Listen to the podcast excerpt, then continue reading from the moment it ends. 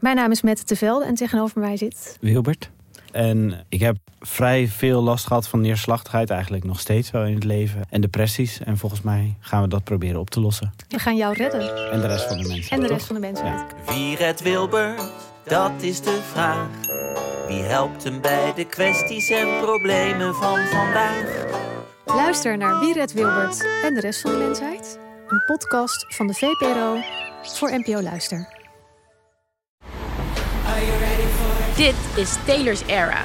Annelot Prins en ik, Sophie Rutte-Frans, vertellen je in deze podcast wekelijks alles wat je moet weten over de allergrootste popster van dit moment, Taylor Swift. We bereiden je voor op de Eras Tour, bellen met Swifties voor live concertverslagen. Doorgronden de roddels en geruchten en proberen het fenomeen Taylor Swift beter te begrijpen. Maar we brengen natuurlijk vooral een ode aan onze favoriete popster. Are you ready for it? Luister nu naar Taylor's Era op Spotify en Podimo. See you there. Dag hallo, lieve, leuke, grappige peoples en piepeline en Remco. Welkom bij Damn Honey.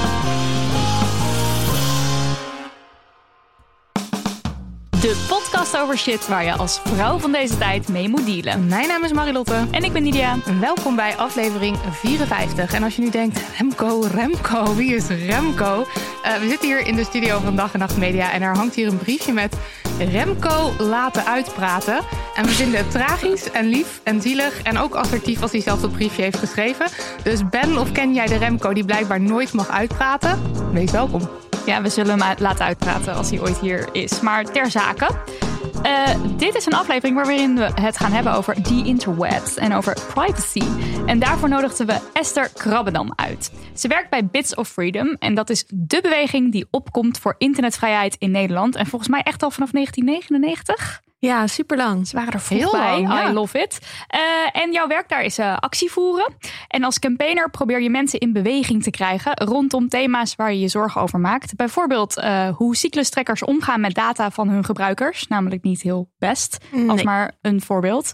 En we gaan het zo meteen over nog heel veel andere dingen hebben waar je je zorgen over maakt. Welkom, Esther. Hallo. Dankjewel. En ik wil graag ook nog eventjes de andere leuke dingen eh, noemen die je doet. Want je maakt namelijk eh, samen met Anna Loene Post, die je ook kent uit de podcast, en met Sikko de Knecht, eh, de Vierkante Ogen Show. Dat is een cultuurpodcast. Een popcultuurpodcast. Popcultuur, Toch, ja. ja? ja. Het is wel echt zeg maar series en films en die cultuur. Ja, en door jullie ben ik eh, Undercover gaan kijken. En ik vind het heerlijk om dan, want ze hebben Door Lydia, die het aanraden, ben ik Ja, oké, sorry. gaan kijken. Door Nydia, en die zei, vervolgens de hey. vierkante oogshow. door Nidia ben ik gaan kijken. Credits. Ja. En eh, door Nidia ben ik naar jullie gaan kijken en Luisteren. blijven luisteren en kijken. Eh, en de- daarom hebben we nu ook al een beetje, volgens mij spreek ik ook voor Nidia dan, een beetje het gevoel dat we best friends zijn. Omdat we elkaar al kennen. Maar dat heb ik dus ook. Dat heeft waarschijnlijk iedereen die hier aan tafel zit met jullie. Omdat je elke aflevering luistert en dan denkt: oh ja, Dem Honey, ja. Ja, die ken ik gewoon. Nu mag je zelf iets zeggen Zo in grappig. de podcast. Ja. Oké, eh, voordat we eh, het gaan hebben over eh, internet en dingen. Eerst Marilotte, hoe ging jij de feminist in lately? Eh, nou, dit is volgens mij wederom een gezamenlijke feminist. We hadden hem volgens mij de vorige keer ook. Eh, want eh, nou ja, zoals men weet zijn we bezig met aan het proberen iets te bedenken rondom merch verkopen. Om Damn honey. Bakken geld mee te verdienen. Kaching. Het grote kapitaal Te hebben. Ja, ik weet het niet.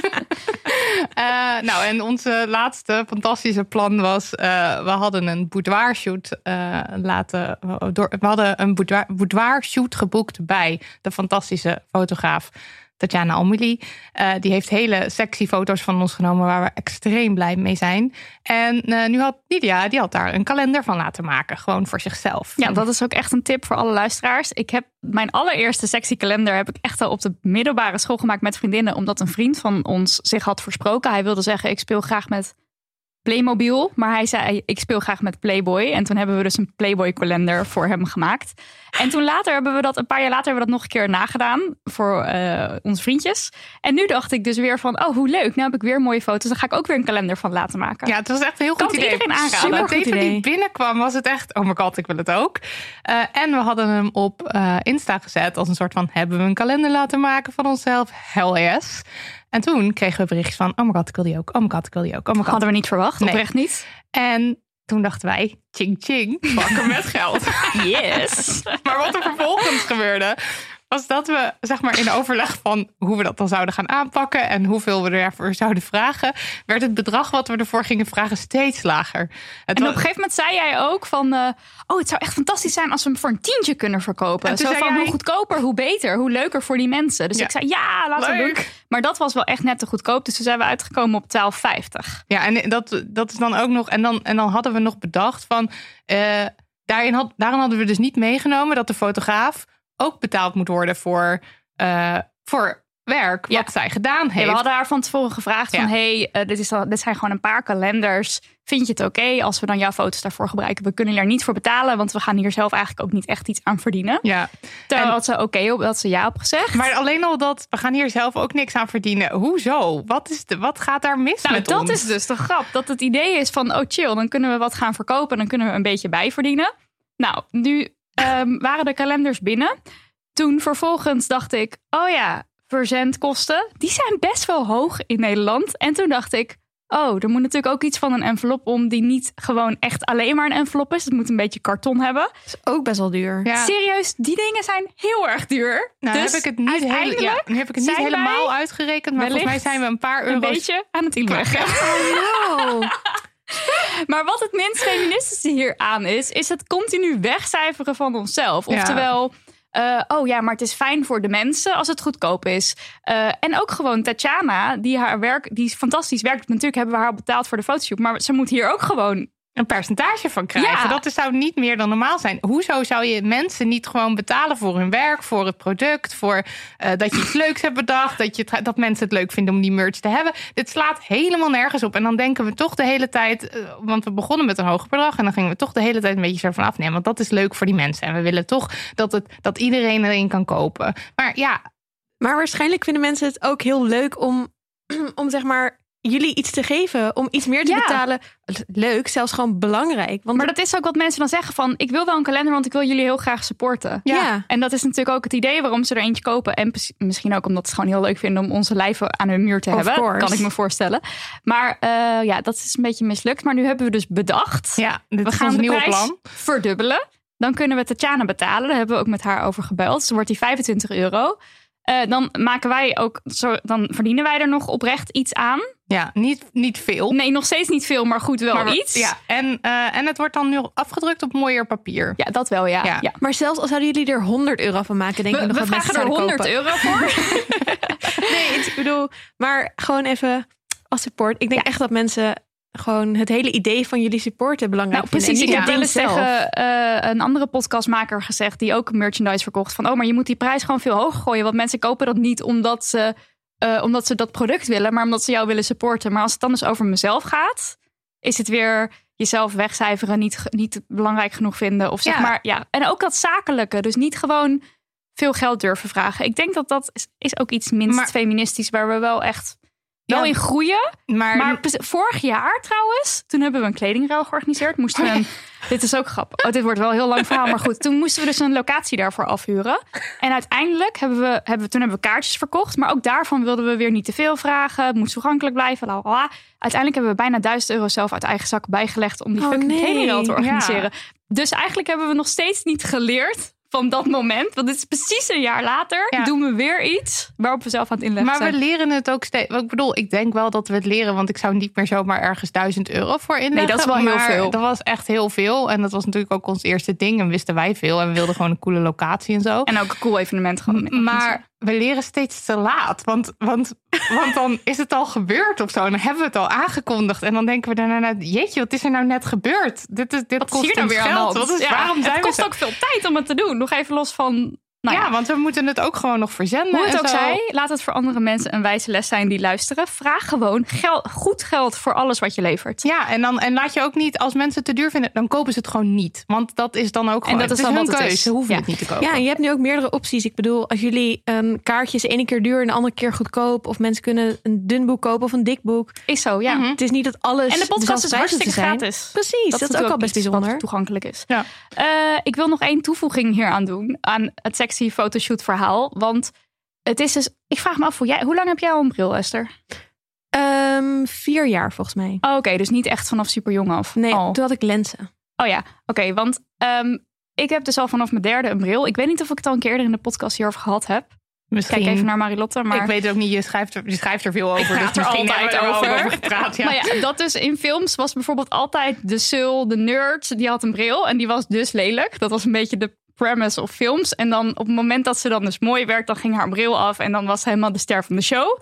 En ik heb dus al vanaf mijn derde een bril. En voor mij staat dus een bril gelijk aan niet een sexy of een hele coole vrouw kunnen zijn. Ondanks dat ik er zelf al, hoe oud ben ik? 28 jaar eentje op mijn snuffert heb.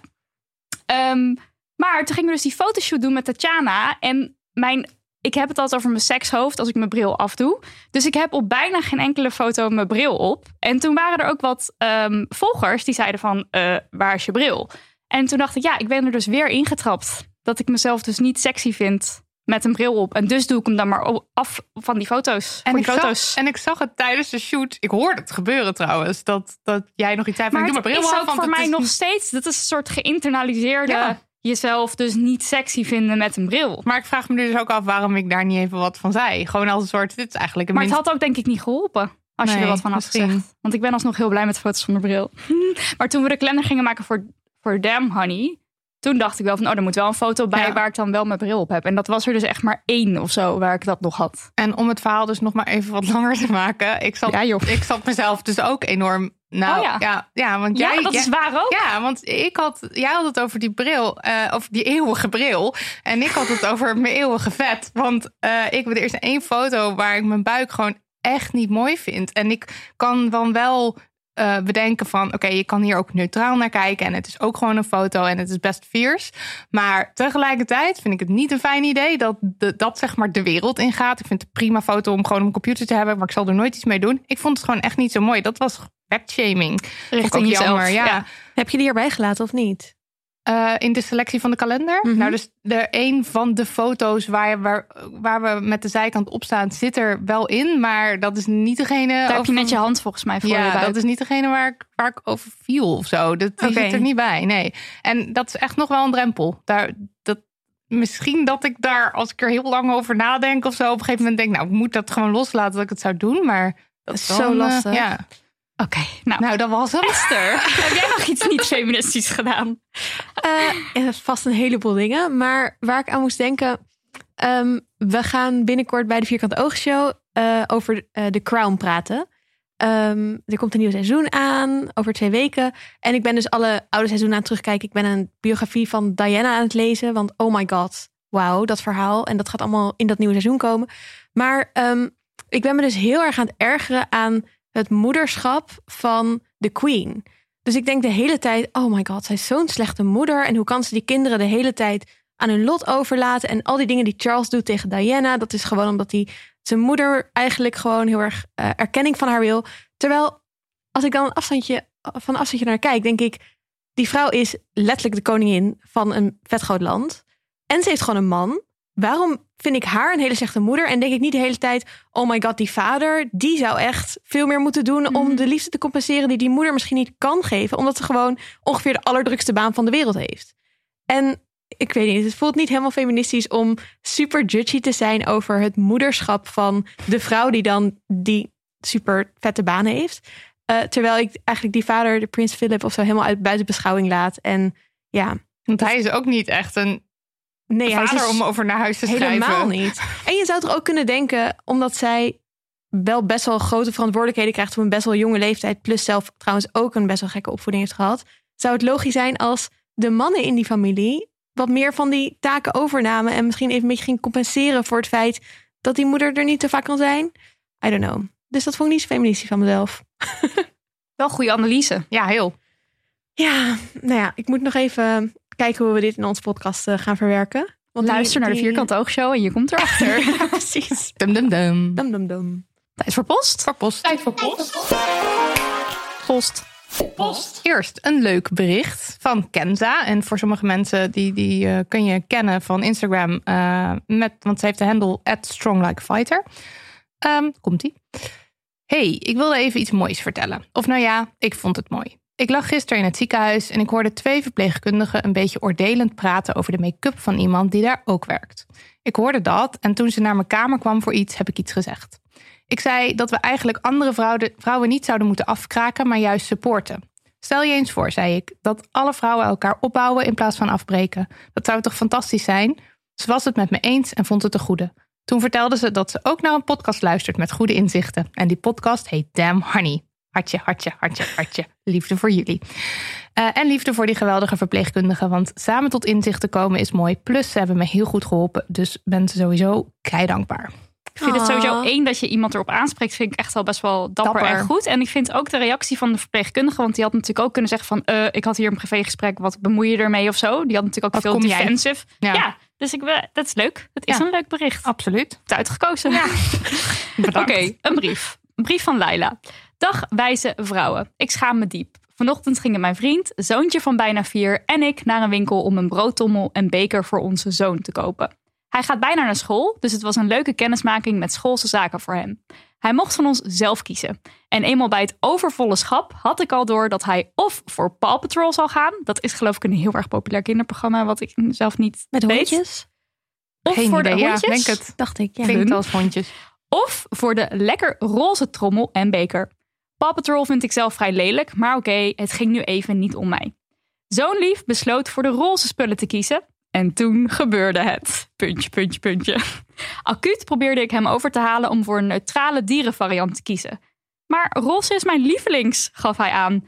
Mijn man vond het allemaal prima. Hij mocht tenslotte zelf iets uitkiezen van ons. Maar ik ben bang dat hij tijdens zijn eerste schooldag wordt geplaagd met roze spullen. Uiteindelijk hebben we met een rode beker en lunchbox de winkel verlaten. Zoon was er blij mee, maar ik schaam me dat ik niet kon meegaan in zijn eigen wens. Ik wil tenslotte een jongen opvoeden die zichzelf kan zijn. En door hem van het roze af te houden, zal er nooit iets veranderen. Zucht. Ik ben mezelf flink tegengekomen daar in de blokker. Wou ik even delen. Feministisch opvoeden is nog niet zo gemakkelijk, ondanks een goede insteek. Nou, ik had toen gevraagd: zou je als deze dag opnieuw zou beginnen iets anders doen? En toen antwoordde ze: leuke vraag. Ja, als het voor mijn zoon niet zo verwarrend zou zijn, zou ik het liefst gaan omruilen. Dat vind ik dan wel weer echt...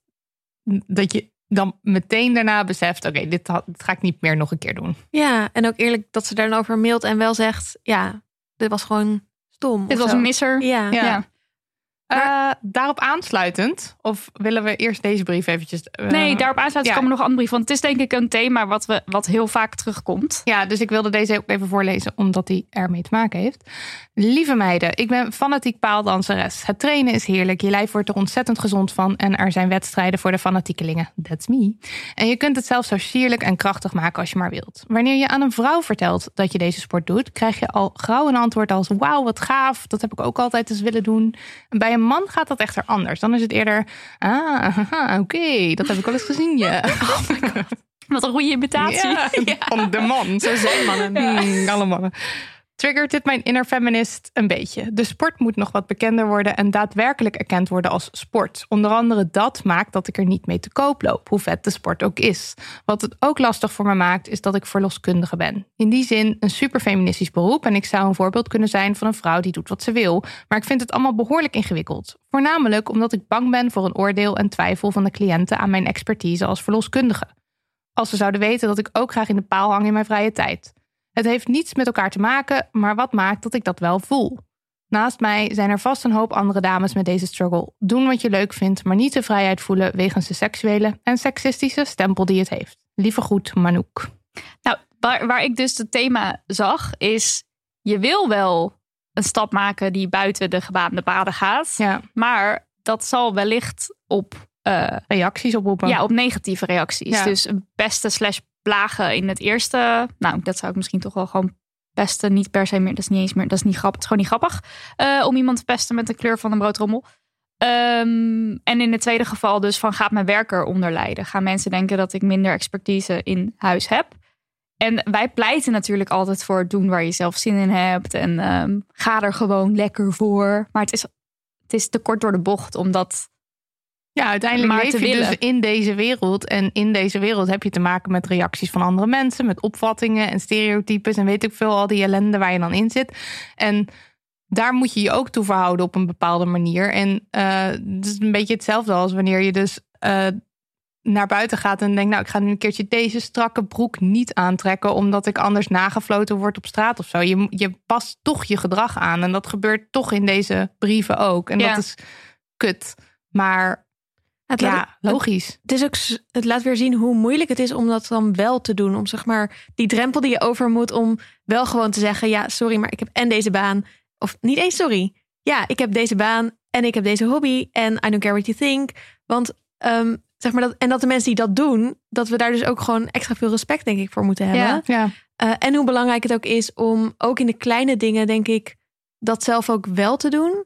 Dus dat je ehm, eh, de mensen die paaldansen en niet een beroep hebben waar ze zich dan ook zorgen over maken, dat die zich er extra over uitspreken. Zodat als je dan een soort van extra combinatie hebt van dingen waardoor je het lastiger vindt, dat het dan ook weer makkelijker wordt.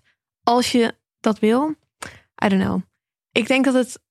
Ja, ik vind het gewoon zelf altijd zo moeilijk. En als ik dan een voorbeeld hoor van mensen die eh, ja, wel dan zich uitspreken, dan vind ik het echt eens Vet. Awesome. Ja, dat is het ook. Misschien wel niet te streng zijn voor jezelf, want het is niet altijd. Je hebt gewoon niet altijd zin om je kop boven het maaiveld uit te steken. Dus als je een keertje. een Als je de vibes hebt van Ja, nu ga ik het je doen en dan doe je het Ja, gewoon. Ja. En als je, als je inderdaad het aan kan, weet ik veel, op de goede, goede, goede momenten in je cyclus zit. Hè? Voor Ja. mij is dat En hoe, zie je, hoe kijken jullie dan naar dat, eh, naar dat schoolvoorbeeld? Want wij, wij zijn geen moeders, dus misschien is het niet heel eerlijk om Hmm. daar dan een goed antwoord op te geven. Maar Ik vond het ook wel. Ze zei ook dat die vader het allemaal geen probleem vond, toch? ja, Dat vond ik ook wel ehm, tof. Ja. Dat het soort van dan niet vanuit de man komt van oh nee, je moet de blauwe stoere beker. Ehm, dus misschien is dat ook iets om dan een beetje op te leunen of zo. Of om ook een soort van als je iemand in je omgeving hebt waarvan je weet, die staat er iets anders in, om daar dan een soort van hulp aan te vragen. Van misschien moet je soms zeggen, eh, hey, eh, check even bij jezelf waarom je dit eigenlijk lastig vindt. Of of je dat echt wel vindt. Ja. Misschien kan je dit ook nog wel bij je docent voorleggen. Dat je gewoon eens zegt van, hey, dat gebeurde en ik merkte bij mezelf dit en dat. Ja, niet dat een docent nou per se... eh, Daar iets Altijd aan kan alles- Doen. Maar die kan Nou misschien wel de weet- signalen oppikken of Ja, zo. ik Als er dingen aan de hand zijn. Ja, dit is, dat is natuurlijk. ik, dan heb je zo'n wezentje waar je dan heel veel van Ja. houdt. En waarvan je dan echt niet wilt dat, dat, dat, dat daar iets mee gebeurt. Of dat die pijn heeft of zo. En dan, ik snap de beschermingsdrang gewoon heel erg. Maar. Ja, maar misschien toch nog iets roze geven. Als daar iets van budget voor is om nog een klein iets roze. Thuis iets roze? Ja, om wel nog te laten zien. Ik weet niet, hij heeft dit waarschijnlijk niet echt mee. Hij weet niet dat dit de reden is waarom hij uiteindelijk niet een roze beker mee naar school neemt. Maar dat het dus niet iets raars wordt voor hem om roze leuk te vinden. Ja, en misschien ook al soort van de kleine Een roze win. tandenborstel of zo, weet je wel? Iets. Ja, Nee, maar ze zijn uiteindelijk niet voor die de, de roze of voor de blauwe eh Paw, eh, wat was het, Paw Patrol of zoiets Ja. gegaan. Dus het is ook niet alsof, misschien doet ze het ook al wel heel goed in de opvoeding, dat ze een zoon heeft die roze hartstikke leuk vindt. En is het ook niet, moet oh ja, sowieso over- nooit te streng voor jezelf ja, zijn. niet te Ja. streng zijn. En Ja. een soort van, ja, dit is dan misschien een kleine last, maar ja, uiteindelijk heb je niet al een zoon die meteen voor de super masculine dingen gaat en eh, of soort van de super blauwe stereotype dingen. Ja, die schudt hij in ieder geval van zich af. Dit, Ja. eh, dit geldt trouwens ook voor de paaldanseres. Weet, wees niet te streng voor jezelf. Als jij je cliënten niet vertelt dat je in een paal hangt s s'avonds, is dat niet erg. Niemand heeft daar iets mee te maken. Dus dat is jouw zaak. Overigens echt zo'n intensieve sport. Ja. Ik echt, ik, ik heb vind echt het zo knap. Ik ook. Ik krijg echt al blauwe plekken als ik er naar kijk. Het Ja. is echt, ik zou daar niet, ik zou daar heel gehavend uitkomen. Maar het zou wel cool zijn als het echt een officiële sport, soort van Olympisch of zo zou worden. Ja, Oh ja, dat misschien niet, normaliseert toch? het dat wel heel erg. ja dat, dat het, het dat het überhaupt- echt een sport is. In Ja. plaats van dat het zo geassocieerd wordt met, met seks. Ja. Eigenlijk. Ja. Oké, dan heb ik nog een eh, poststuk van Rosanne. Damn honeys, jullie podcast is geweldig en maakt mijn vroege fietstochten naar werk absoluut veel draaglijker. Ik leer ontzettend veel van jullie en natuurlijk ook zeker van al jullie gasten.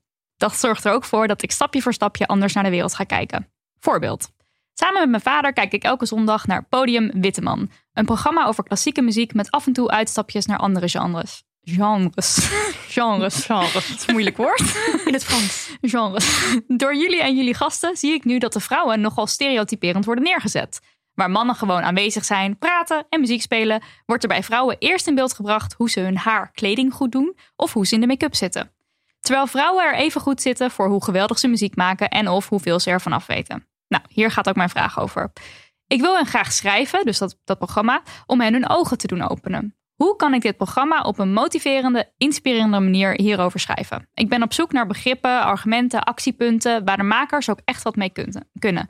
Ik ga namelijk liever van het positieve van de mens uit en hoop dus dat de makers zich nu niet bewust zijn van de stereotypering die zij in het programma beamen, tonen of hoe je dit ook zou noemen. En dat zij hier natuurlijk na het openen, eh, na, en dat zij hier natuurlijk na het open, openen van de ogen wat mee gaan doen. Eh dankjewel voor het le- lezen.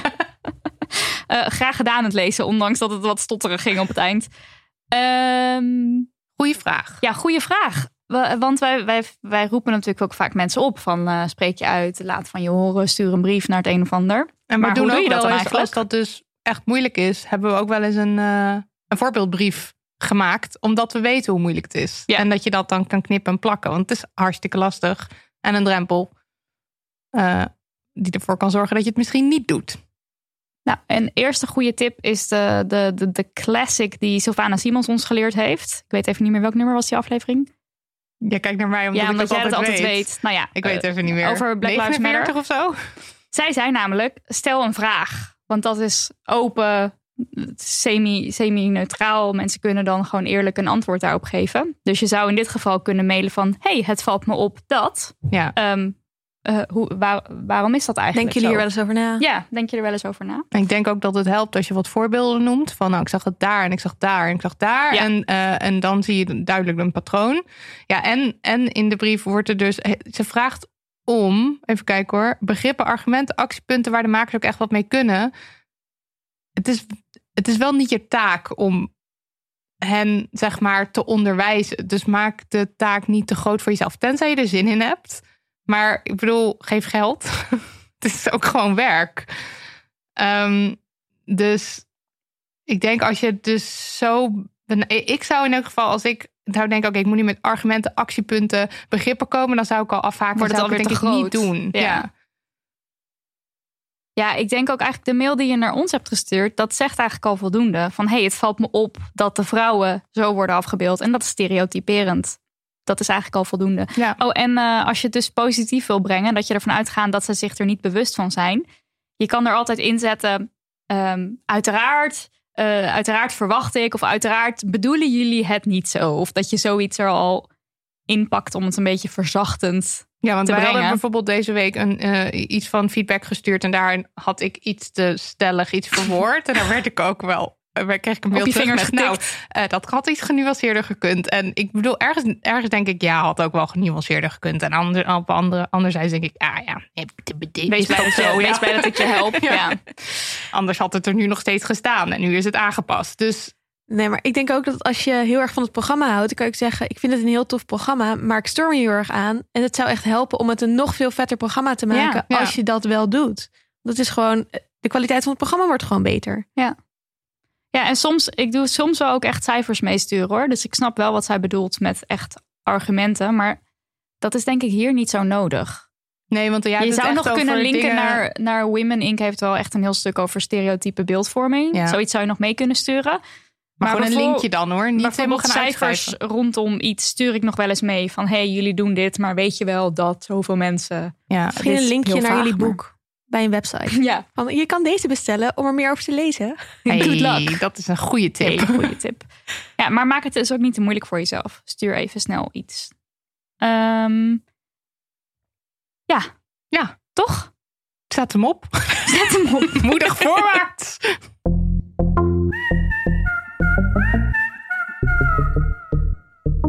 Lieve mensen, graag even wat aandacht voor onze sponsor. Grapje, want eh, die hebben we deze aflevering helemaal niet. Dus dan maar even tijd voor petje.af slash damhoney. Waarom lopen die meiden nou altijd te leuren om geld? Nou, omdat de huur betaald moet worden. En het liefst ook onze producer, die nu al een dikke twee jaar gratis en voor niks voor ons werkt. Adverteerders vinden we fantastisch, maar die hebben we niet altijd. Terwijl luisteraars, die hebben we wel altijd. Dus leuk, je kunt bijdragen aan het voortbestaan van deze podcast door een eurotje of wat te doneren. Liefst maandelijks, want dat zorgt ervoor dat we snode plannen kunnen smeden om ook in 2021 het patriarchaat aan stukken te scheuren. Doneren kan via petje.af slash Damn Honey. We hebben abonnementjes voor mensen met een kleine beurs van 1 of 3 euro per maand. En abonnementjes van 25, 50, 100 euro per maand voor mensen bij wie het geld tegen de plinten klotst en die van de weeromstuit niet weten wat ze ermee aan moeten. Dus op naar petje.af slash Damn Honey. Ik heb altijd moeite met de slash. en maak je honeys blij. Petje.af slash damn honey. Of niet. Zelf weten. Maar dan kunnen we dus niet hier betalen. Dag. Dit is emotionele chantage. Ja, zo. Oké, knip het er maar uit, Daniel.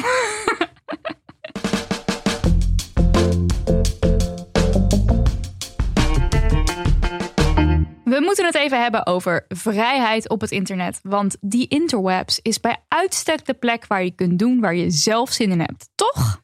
Hè, nee. Instagram, kutbedrijf. Facebook, kutbedrijf. YouTube, kutbedrijf. Ze bepalen wat we wel en niet mogen zien. En ze kiezen wie er wel of niet betaald wordt voor de content die gemaakt wordt. En aangezien jouw gegevens hetgeen zijn waarmee je betaalt, kun je ervan uitgaan dat die gegevens voor doeleinden gebruikt worden. En die doeleinden zijn vaak kut. Gelukkig is daar Esther, onze baken van licht in de duisternis der wereldwijd web. Toch? Zeker.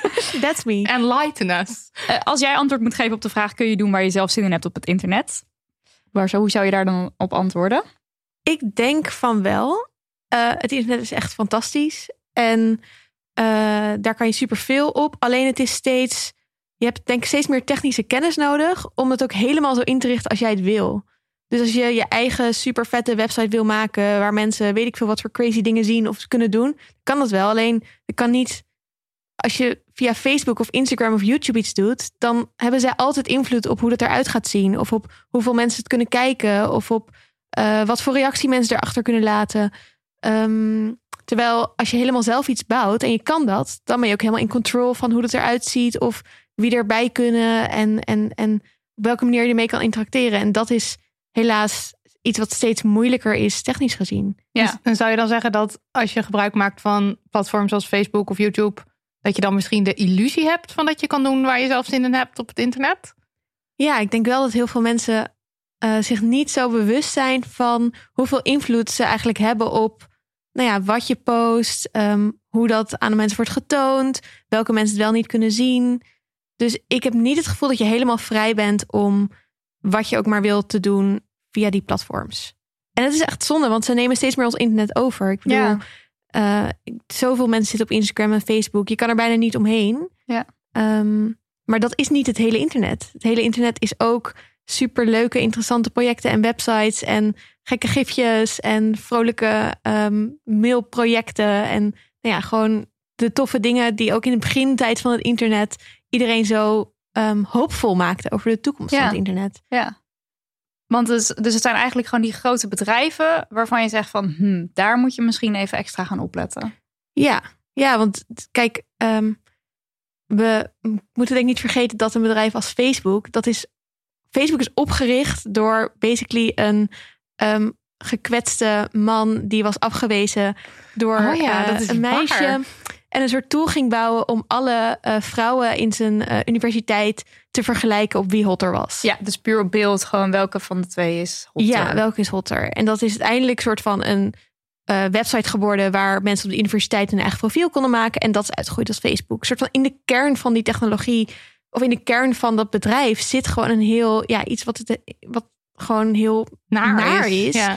En um, uiteindelijk is dat bedrijf heel erg gegroeid toen werd bedacht hoe ze er winst mee kunnen maken. En daar is ook uh, Instagram is overgenomen en daarna steeds commerciëler geworden. Dus het doel van die bedrijven is echt niet om jou super fijn in contact te laten zijn met mensen van over, vanuit de andere kant van de wereld of zo. Of om jou de leukste foto's te laten posten. Het doel van het bedrijf is om informatie over jou te verzamelen. En op basis van die informatie advertenties aan jou te laten zien. En ja, dan is het soms handiger om een video waarin um, uh, naakt voorkomt. Of uh, iemand uitlegt over uh, zijn transitie. Of om um, ja, dingen die um, bijvoorbeeld over abortus gaan. En in sommige landen daardoor helemaal niet door veel mensen bekeken mogen worden van de overheid. Om die maar allemaal gewoon lekker te censureren. En die niet aan heel veel mensen te laten zien. En dan en ben je opeens de controle kwijt. Maar waarom dan? Waarom is dat dan makkelijker? Want ik snap het soms niet helemaal. Ja, het ga ik, ik ga wel een beetje snel. Um, nou, als bijvoorbeeld een adverteerder als Heineken of een, nou ja, gewoon een adverteerder. Die, wil, die zegt: Ik wil dat ehm, vrouwen tussen de 30 en de, en de 40, ehm, die, die waarschijnlijk interesse hebben in ons product, deze advertentie zien.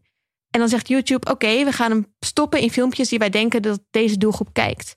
Maar er zijn ook filmpjes bij die die doelgroep kijkt, die waar ehm, bijvoorbeeld ehm, ehm, eh, iemand in scheldt. Ik zeg maar Ja. wat.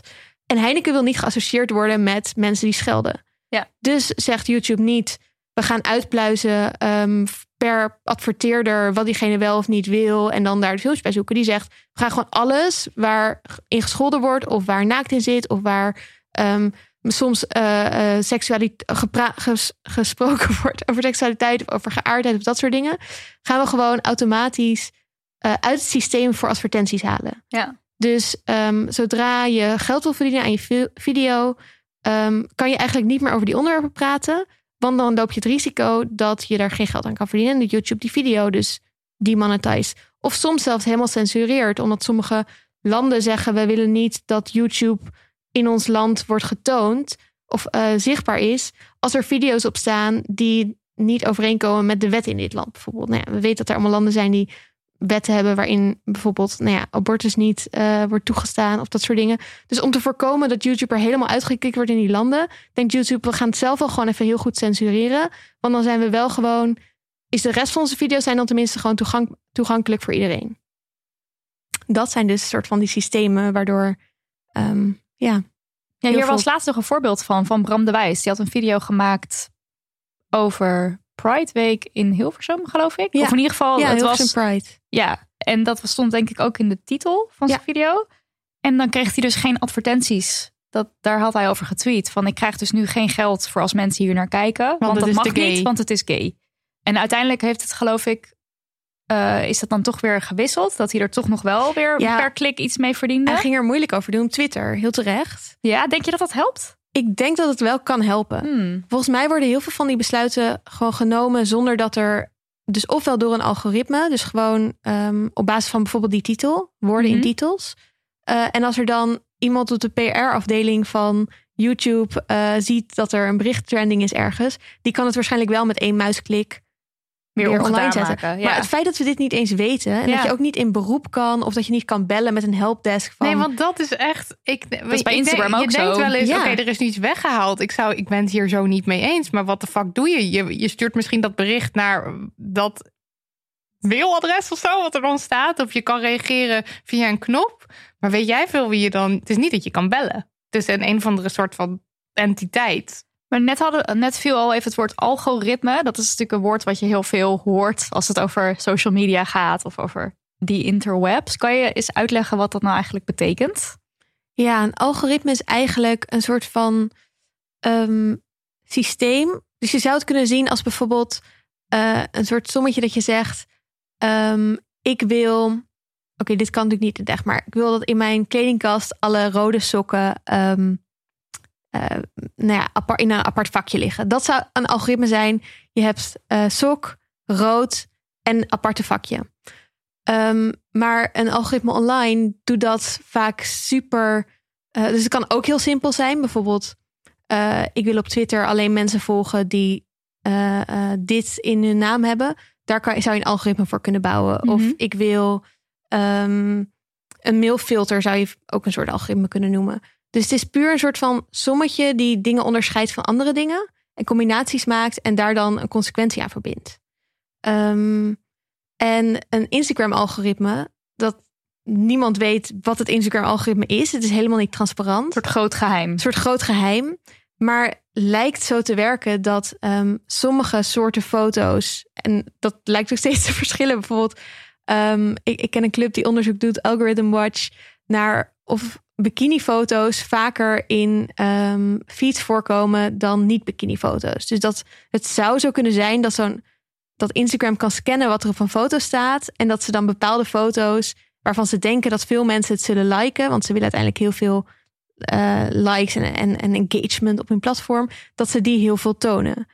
Ehm, maar een algoritme kan ook zijn, wat we bijvoorbeeld hebben gezien bij de Belastingdienst, dat je zegt, we gaan ehm, een algoritme laten kijken naar ehm, ehm, wat zijn de dingen die veel mensen die een schuld hebben bijvoorbeeld, ehm, waar het veel in overeenkomt. En dan ga je daar naar kijken en zeg je, oké, nou dat zijn vaak mensen die bijvoorbeeld een bepaalde etnische achtergrond hebben. En dat je dan gaat filteren daarop. Dus dat je eigenlijk zegt, nou dan gaan we gewoon alle mensen met die etnische achtergrond gaan we ergens voor vragen. Extra of gaan alle mensen die in deze postcode. We hebben bepaalde postcodes waarin ehm, ehm, eh, extra vaak mensen een schuld hebben. Dan gaan we gewoon alle mensen in die postcode gaan we extra controleren. En als je een heleboel van dat soort elementjes aan elkaar koppelt, dan krijg je dus een soort heel creepy systeem waarin je zelf ook niet weet of je erin zit. Want het is helemaal niet transparant. Maar je wel op basis daarvan dus echt consequenties kan hebben. Namelijk dat jij de hele tijd gebeld wordt door de Belastingdienst.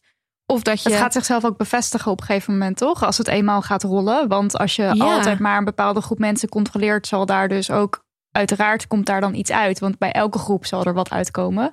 ja, als je Waardoor je misschien nog meer gefocust wordt op die groep. En zo blijf je in dat kringetje rond. Ja, nee, als jou, dat gaat dus ook heel erg over wat jouw dataset is. Dus Ja. wat de informatie is waaruit je die conclusies trekt. Als je inderdaad, ehm, dat zien we bijvoorbeeld ook met eh, etnisch profileren. Dat als politieagenten de hele tijd alleen maar bijvoorbeeld zwarte mannen aanspreken. Ehm, en ja, als je zegt één op de tien mensen heeft misschien eh, eh, iets eh, die in een, nou ja, weet ik veel, op een plek is. Of bijvoorbeeld die geen mondkapje draagt. Nou ja, I don't know. Eén op de tien mensen eh, kan je terecht aanspreken. Maar als je alleen maar zwarte mannen aanspreekt, ja, één op de tien zwarte mannen is dat dus ook. Ja, Ja. Maar uiteindelijk heb je een database met alleen, Alleen maar zwarte mensen, ja. en dan is het opeens, nou laten we gewoon alle zwarte mensen gaan aanspreken. Ja. En ja, want witte mensen die zitten nooit in onze dataset. Dus die zullen het wel altijd goed doen. Er was hier geloof ik toch ook een, eh, een ding over bij LinkedIn, geloof ik, met cv's. Dat voor een, ik weet even niet zeker of het LinkedIn was, maar dat dan voor een CEO dat ze automatisch gingen filteren op witte mannen. Ja. Omdat dat is wat CEO's zijn volgens het hadden- systeem. Volgens mij hadden dus- ze die, die tool hadden ze ehm, de cv's van eh, x aantal CEO's laten, le- laten lezen. Ja, en dan kijken van welke eigenschappen zijn, hebben ja, dan hebben ze een gelijk, CEO? hebben ze ja. gemeen. Maar een van die eigenschappen was dus man Man En wit. En wit. en wit. Ja. En dan krijg je dus wie dan. En als je dan gaat selecteren, op, eh, stel er komen dan duizend cv's binnen en je denkt, nou, ik ga dat niet met de hand doen. Ik, ik gooi er eventjes zo'n eh, programmaatje overheen en die selecteert voor mij dan de 20 beste kandidaten. Oh, wat en daar komen dan dus alleen maar witte Ja. mannen uit, want volgens dat systeem is dat nou eenmaal wat een goede CEO is. Ja. Maar dus dat, je- dat gaat zich ook. Op het moment dat je dus een algoritme bouwt aan de hand van een seksistische of een racistische of een validistische wereld, ga je dus ook die wereld alleen maar eigenlijk versterken. Ja, of ja, dus dan kan, voortzetten. je, dan kan je dus zeggen dat als je, seksist, als je algoritmes hebt die gebouwd worden in een seksistische wereld, dat dat eigenlijk zorgt voor nog meer seksisme. Ja, ik denk dat dat met heel veel van die systemen op internet is. Dat het niet zozeer ligt aan dat het online is of zo. Maar dat het gemaakt is in een wereld die gewoon helemaal niet eerlijk is. En Ja. dat die systemen online dat dus ook niet zijn. Ja, wat, wat ergens ook logisch is, maar Ja. wel iets waar we scherp op moeten zijn. Ja, en omdat het zo ontransparant is en over zulke grote aantallen mensen kan gaan, eh, is het denk ik iets waar je extra op moet letten. Want ehm, heel veel mensen, dus zelfs als je in het algoritme van Instagram of van de Belastingdienst zou kunnen kijken wat we niet kunnen, dan denk ik dat heel veel mensen dat niet zouden snappen. Want het is. Dat is vet ingewikkeld ja, natuurlijk. Het ziet Ja, er niet er niks mee heel kunnen. duidelijk uit, zeg Ja. maar. Ehm, dus het is ook niet zo dat die transparantie per se het antwoord gaat zijn. Het is gewoon denk heel goed na over wat je doet en welke gevolgen dat heeft voor mensen. Maar is die transparantie wel iets wat, wat jullie als Bits of Freedom bijvoorbeeld zouden nastreven? Zou je willen dat er bijvoorbeeld een wet komt die zegt van ja, we moeten gewoon alles kunnen zien? Ja, ik denk wel dat ehm, bijvoorbeeld voor de overheid, ehm, dan kan je wel veel. Kijk, wij controleren de macht eigenlijk. En wij, het is heel moeilijk te controleren als je niet kan inzien wat er achter zit, zeg maar. Ja, je kan eigenlijk alleen maar vage vermoedens uitspreken, zoals over die bikinifoto. Ja, precies. En ik weet dat daar dus echt clubs zijn die proberen dat helemaal te ontrafelen. Maar dat is super moeilijk, omdat je Ja. gewoon niet bij de technologie kan. Maar er zijn wel mensen die dit kunnen, de mensen die het gebouwd hebben, die kunnen het lezen. Of zijn er mensen die dat algoritme Zijn er mensen die het weten? Ja. Ik denk dat Instagram, ja, ik weet niet hoe, hoe zelflerend dat is. Zou ik eigenlijk niet weten. Maar ik denk wel dat er mensen zijn bij Instagram die, ehm, die, kunnen, die dat kunnen tweaken. Ja, en die Ja. natuurlijk aansturen op. Die Ja. zeggen van nou, dit wil ik dus niet op mijn Instagram. Er werken ook heel veel mensen bij Instagram. Gewoon echt personen die ook dat ehm, censureren. Dat wordt soort van gedaan door deels een team van echt duizenden mensen en deels algoritmes. Dus wat vaak gebeurt is dat een algoritme een post ehm ehm, flagt. Ja. En dat een mens Ja. dan moet zeggen: ja, dit klopt of nee, dit klopt niet. Ja. Maar dat kan dus heel snel. Want wij, wij hadden eh laatst een Oh ja, foto. met die kalender Ja, we hadden trouwens. een, een foto gemaakt van die kalender. En toen was Nidia vergeten om Nee, de... het was, het was nog erger. Of Het nou, was een, eh, het was een boomerang. boomerang. En je zag dus heel kort mijn blote borsten. Ja, die mijn, van jou ook? ook. Ja, Ja, die van jou onze ook. blote borsten. En het was echt in, een, in denk ik, 30 seconden weg. Eraf. Oh my Ja. god. Ja. Terwijl dus zeg maar in de boomerang zag je... je zag, oh nee, die andere foto van mij, daar zag Ja, je er dus ook een klein, gewoon titel op, maar- tepeltje op. Ja, dat is dus waarschijnlijk zo'n algoritme. Wat, Ja. wat zeg maar. Maar er zijn dus ook mensen die dit moeten doen. Daar heb ik dus wel eens wat over gelezen. Dat is ook super fucked up. Want die krijgen de meest heftige shit te zien. Vaak Ja. voor heel weinig geld eh, wat ze betaald krijgen. Moeten ze de meest heftige dingen zien en zeggen ja of nee over. Ja, dus je hebt de hippe, hippe kantoren van Facebook Ja. en, Ja. en Google. Hè? Want Facebook heeft Instagram en Facebook. Ja. En YouTube is van Google. Ehm, en die hebben die hippe kantoren in Silicon Valley. En waar je mag cool, slapen cool. tijdens een naptime. Ja, en, dan word je creatiever van. Ja, die zitten allemaal op, op die ballenbakken. chille kussens. Ja, Ehm, maar dan heb je in allemaal ehm, ja, soort van. Ik heb ook een keer een documentaire over gezien, maar echt een soort loodsen. eh, zitten mensen die hun telefoon in een lokkertje moeten stoppen en geen eens pen en papier mee mogen nemen en alleen maar achter een computer zitten waar ze inderdaad 20 seconden krijgen of zo of minder om elke keer zo'n zo'n Ja, beeld nee, ja, nee, ja, nee. ja, te Mhm. zien. En je ziet dus de hele tijd echt de naarste dingen, want er zijn ook ja, onthoofdingsvideo's. Ja, oh, dit is echt traumatiserend, dit werk. Maar was, dit, was hier nou een documentaire over? Of was het Ja. nou... Ja, toch? De Cleaners ook, het. Ja, inderdaad. De Cleaners? Ja, de. Cleaners, ja. Daar, want dat was heel naar om naar te kijken. Al gewoon hoe zij bezig zijn. En Ik Ja. kreeg super weinig betaald en niet echt hele goede ehm, hulp. Want het is, mag je echt Psychische hulp bedoel ja, je? psychische hulp.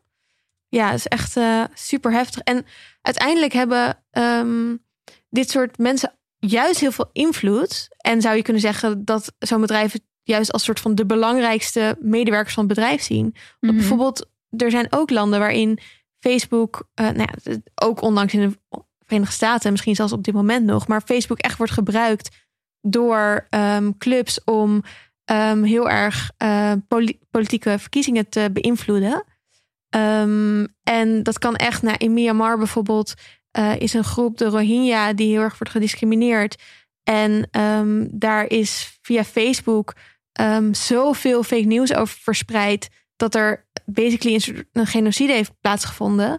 En Maar het fake news vertelt dat dat niet heeft plaatsgevonden. nee, dat maakt dat zet mensen aan dat zij de haat. zondebok zijn. Oh, zo, ja, Ja. ja, dus Waardoor er weer En daar, heb je echt zeg maar telefoons waar alleen Facebook op staat. Mensen denken dat het internet Facebook is. Ja. Dus dat heeft Facebook ook heel slim gedaan. Die is in heel veel landen eh, telefoons gaan verspreiden. En dan, kijk, er zit al Facebook op.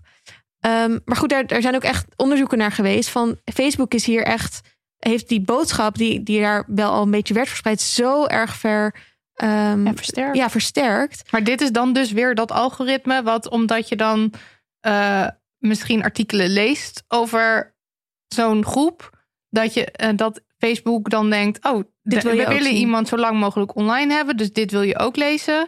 En dat je dan nog meer misschien verkeerde of fout fake nieuws voor je neus geschoteld krijgt. Ja, dat. En door, eh, doordat je berichten kunt, eh, door te betalen, berichten aan meer mensen kan laten zien. En dat Facebook dat ook steeds belangrijker maakt. Dus ehm, je kan als bedrijf zeggen: ik wil een advertentie, maar ik kan ook als persoon, als ik een. Jullie zouden als Damn Honey eh, op Facebook advertenties kunnen plaatsen. En dan kan je zeggen: ik wil 20 euro inzetten om dit bericht aan 10.000.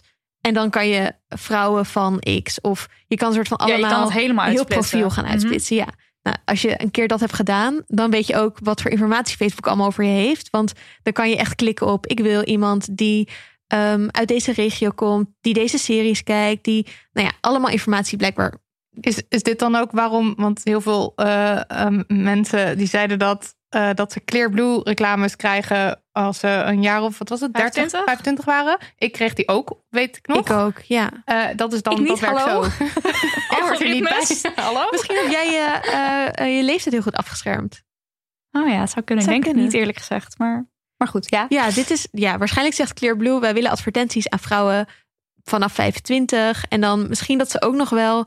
ehm, dus ik heb laatst een, ehm, een voedingskussen besteld op hema.nl. Omdat ik Dat slaapt van een- heel lekker. Ja, ik wil een Oh, dat is zijslaper worden. ding wat je... Zo'n borst. aan. Ja, Ja. ja. Ja, En ik dacht echt toen ik dat deed van oké, vanaf nu ga ik extra zwangerschapsdingen krijgen. Want dat is iets wat normaal gesproken ehm, een vrouw met een kind om makkelijker te voeden kopen. Maar ja, ik wil het gewoon voor slapen. Maar die informatie, die harvest Google, of eh, Facebook en Google van het hele internet. Oh, dus ook wat ik op hema.nl oogst. Ook wat ik op hema.nl doe. En eh, dan kan je dus ook zeggen als Clearblue... we willen dit laten zien aan vrouwen met een zwangerschapswens. Of vrouwen die zwanger zijn. Hmm. Want dan, Facebook heeft dan over mij bedacht... oké, ik heb die informatie dat je dit product hebt besteld. Dan zal jij wel in die categorie eh, vrouwen die net bevallen zijn passen. En dan gaan we je da- daar dus advertenties van Maar hier is dan de vraag van... Inderdaad, of niet? Ja, ik weet niet. Over Is dat erg? Oh, dat ja, is mijn vraag. Eh, ja, ik vind dat wel erg. Het is namelijk, ehm, ik denk en dat het op een kleine schaal erg is. Dus ehm, stel, eh, ik maak me heel erg zorgen over dat ik niet zwanger kan worden. Ehm, ik, eh, ehm, of ik heb misschien wel net een kindje verloren. Of dan is het gewoon heel naar als je de hele Ja, tijd die En dan is het persoonlijk leed. Ja, en, en dat ik dat nergens kan uitzetten. Dus dat ik, dat ik ook niet weet hoe het komt. Of dat ik ergens kan zeggen, ja, maar dit ben ik helemaal Dit niet. wil ik of niet. Dit wil ik helemaal niet. Ik wil het niet de hele tijd in mijn timeline zien. Maar je kan dat soms nu wel uitzetten. Dat ze zeggen, deze, deze advertentie wil ik niet zien. En dan kan je daarop klikken. Want dan past het niet bij je. Maar dan heb je het, op Twi- heb jij het over Twitter of zo? Of, of random internet. Op Twitter kan dat in ieder geval. Inmiddels kan je op Facebook ook ehm, je soort van profiel zien. En dan, of in ieder geval een deel van het profiel. En dan soort van dingen wegklikken die, niet- die niet bij jou passen. Moet je wel diep in je privacy instellingen duiken. Daar hebben we iets tofs voor gebouwd. Maar goed, daar gaan we het zo misschien nog wel even over hebben. Ja. Ehm, dus dat is wel sinds we wat strengere privacywetgeving hebben. En er ook wat meer over gesproken wordt. Wel iets wat steeds meer clubs gelukkig aanbieden. Ehm, maar goed, het is ook op grote schaal, denk ik, echt een probleem. Omdat het heel erg, ehm, het, het versterkt ehm, bepaalde nou ja, patriarchale normen en waarden, denk ik. Ehm, dus het maakt dat je misschien ook het gevoel krijgt dat je, of dat veel vrouwen het gevoel krijgen dat ze rond deze tijd misschien eh, rond je dertigste zouden moeten denken aan kinderen. Of dat je. Nou, ik heb hier dus wel iets over. En ik weet dus niet waar het precies door komt. Maar als ik op Instagram kijk bij dingen om te ontdekken of zo, hoe heet die functie? Dan zie ik dus vet veel foto's van ofwel Ja. zwangere buiken, Ik ook. of eh, mensen in trouwjurken. En, en mensen met baby's. En ik zie ook vaak wel. eh, bijvoorbeeld, ik ben heel een, een serie aan het kijken en dan ga ik al die karakters opzoeken. Dus dat zit er dan ook tussen. Dus dat kan ik heel erg verklaren. Maar al die zwangere buiken en trouwjurken niet Het is per niet alsof se. we daar de hele tijd dingen over opzoeken of zo. Denk voor ik. Damn Honey of Nee. zoiets. Dat is niet aan Nee. de hand. maar het- Maar we volgen wel heel veel vrouwen. Dus misschien Ja. dat hij dan dus denkt van... Zwanger. Ja, zoiets met dus- vrouwen, dan moet het maar zwanger en dan moet het maar trouwen zijn. En dat is dus heel, een heel ouderwets, heel patriarchaal Ja. idee. En ik krijg er echt zo'n TikTok, TikTok gevoel van. Alsof Ja. iemand even tegen je zegt van... Nou Esther, eh, about moet jij time. nog niet aan, eh, aan de baby's of aan het trouwen? Of... En trouwens, we hadden ook een jongen die laatst in onze DM kwam. En die zei van, die had dus een paar screenshots gestuurd van wat hij allemaal te zien kreeg. Dat was nog helemaal voor deze aflevering. Dus ik heb helaas niet door kunnen vragen of zo. Maar eh, hij krijgt dus allemaal beeld van vrouwen in bikini. Of in ieder geval wat wij dan als, als, als maatschappij als dan sexy foto's zouden, zouden zien. En hij vond dat heel vervelend. En hij had ook zoiets van, why? Why, ja. Maar we hebben, en we hebben gisteren Daniels feed even bekeken. En daar stonden wel buitenproportioneel veel vrouwen in korte rokjes en met blote buiken. En gewoon, ja, die gewoon ook sexy uitzien. Terwijl die ook alle niet- basgitaren door. Ja, terwijl hij ook niet per se die mensen volgt. Want als je nou heel veel van dat soort accounts volgt, dan is het nog te verklaren. Ja, maar er, sto- er stonden gewoon die dingen ertussen die je kan verklaren. Zoals die gitaar en, ja, precies. Ja. en, en ook wel de feministische dingen. En, en, En allemaal die vrouwen in korte rokjes. patriarchale beelden, inderdaad. Ja. dat was heel apart. Omdat hij dus blijkbaar een man is van rond de 30 of zo. Geen idee. Ja, oud dat is is toch is problematisch? hij eigenlijk? Ik vind dat echt, ja, maakt me ook wel zorgen over. Ja. Van hoe, zeker omdat je het dus niet kan aanpassen. Dus als hij daar helemaal geen zin in heeft, waar ga je heen om te zeggen: Ik wil andere ik dingen in wil mijn dit feed? niet. Ja. En het is ook nog eens, daar, daar hadden we het net al even over, over Myanmar en zo, maar en de Amerikaanse verkiezingen, maar zelfs in Nederland is dat iets wat gebeurt. Ehm, kijk, om jou een, een advertentie te laten zien van Clearblue of van Heineken, dat is, daar, daar kan ik me voorstellen dat je nog van zegt, ja, oké, eh, ik vind dat niet zo erg.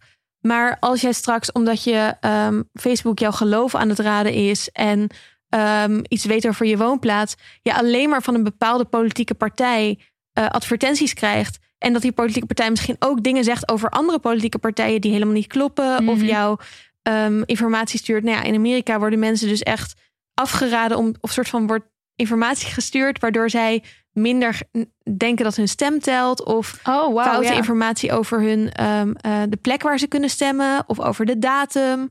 Eh, Er wordt echt actief Ja, foute echt informatie in advertenties Precies, gezet omdat om mensen te misleiden. Dit is een persoon die waarschijnlijk op bijvoorbeeld Biden gaat stemmen. Wij willen mensen die op Biden gaan stemmen eigenlijk zo min mogelijk naar de stembus hebben. Dus dan zeggen we, Dus jij we gaan stemmen op 7 november. Ja, of we zeggen, ehm, ja, je stem telt toch niet. Of waarschijnlijk worden alle mail-in mail votes eh, niet meegeteld. Want eh, die komen vast allemaal te laat. Of Ja, de is post is veel te langzaam. Maar Oh ja, dat is... Ja. vraag. ehm, want wie doen dit dan? Zijn dat dan grote bedrijven die dan wel snappen hoe zo'n algoritme werkt? Dat is gewoon, je vult zo'n advertentie in en dan heb je ze. Dat? Echt? Ja, Ja, Facebook als is politieke wel... partij vul je dat gewoon in. Ja, of, of als eh, organisatie. Er zijn allemaal van die. Dus Facebook heeft wel gezegd: politieke partijen mogen dit eigenlijk niet meer doen. Dus bijvoorbeeld, als je echt als politieke partij je pagina hebt op Facebook, de officiële pagina van weet ik veel D66 of zo, kan waarschijnlijk niet zo makkelijk dit soort berichten sturen, omdat die extra worden gecontroleerd door Facebook. En er komt nu ook een soort van dingetje onder met: dit is een politiek bericht, bla bla bla bla. bla. Maar wat je ook kan doen is zeggen: wij zijn ehm, ehm, de Strong South. Zo noem je je groep. En dan ga je gewoon een Facebook-account aanmaken, wat heet de, de Strong South in Amerika. En we gaan al deze dingen posten en daar gaan we ook Hmm. Maar voor eigenlijk ben betalen. je gewoon een politieke partij. Eigenlijk Ja. misschien ja. zit er een politieke partij achter of Ja, aanhangers je van een politieke niet. partij. Iedereen kan dit doen. Ja, Ja. en inmiddels is het zelfs zo dat er echt een soort van ehm nou ja, clubs zijn die dus heel goed weten welke zoekwoorden ze moeten invullen om een bepaalde groep eruit te halen waarvan zij denken die willen wij beïnvloeden. Want dat is wel iets waar je natuurlijk een beetje in kan specialiseren. Dat je denkt, oké, ik wil eh, ik wil zoveel mogelijk informatie zelf verzamelen. Ik ga zelf data-onderzoek doen naar welke doelgroep het meest vatbaar is voor mijn boodschap. Of naar welke, eh, of juist eh, die ik juist wil bereiken met een boodschap die hen weghoudt van de Van de tegenstander. ander, ja. Ja. En dat je die informatie dan invoert op Facebook. En dat je die groep dan gaat aanspreken. Hm. Dat is heel creepy. Dus dat is wel echt voor de grote systemenverandering. Nou ja, het- as we speak, eh, wat er in Amerika gebeurt. En ook richting Nederlandse verkiezingen. Iets waar ik me ook wel zorgen over maak. Er zit gewoon heel veel macht. Ja, en is dat dan, want eh, dan heb je het over, oké, je, je bent eigenlijk dus als, als soort van de gebruiker en jouw gegevens zijn het product. Ehm, wat, ik vind het, wat verzamelen ze dan? Want ze verzamelen gewoon alles waar jij toegang toe geeft op je sociale platforms. Of wat je koopt. Of gewoon alles waar je enigszins openbaar Nou, het gaat verder dan dat. Want ze, ze verzamelen natuurlijk alles wat je op het platform doet. En dat is niet alleen wat je post, maar ook wat je misschien intypt en niet post. Dus als jij een tien keer. Ja.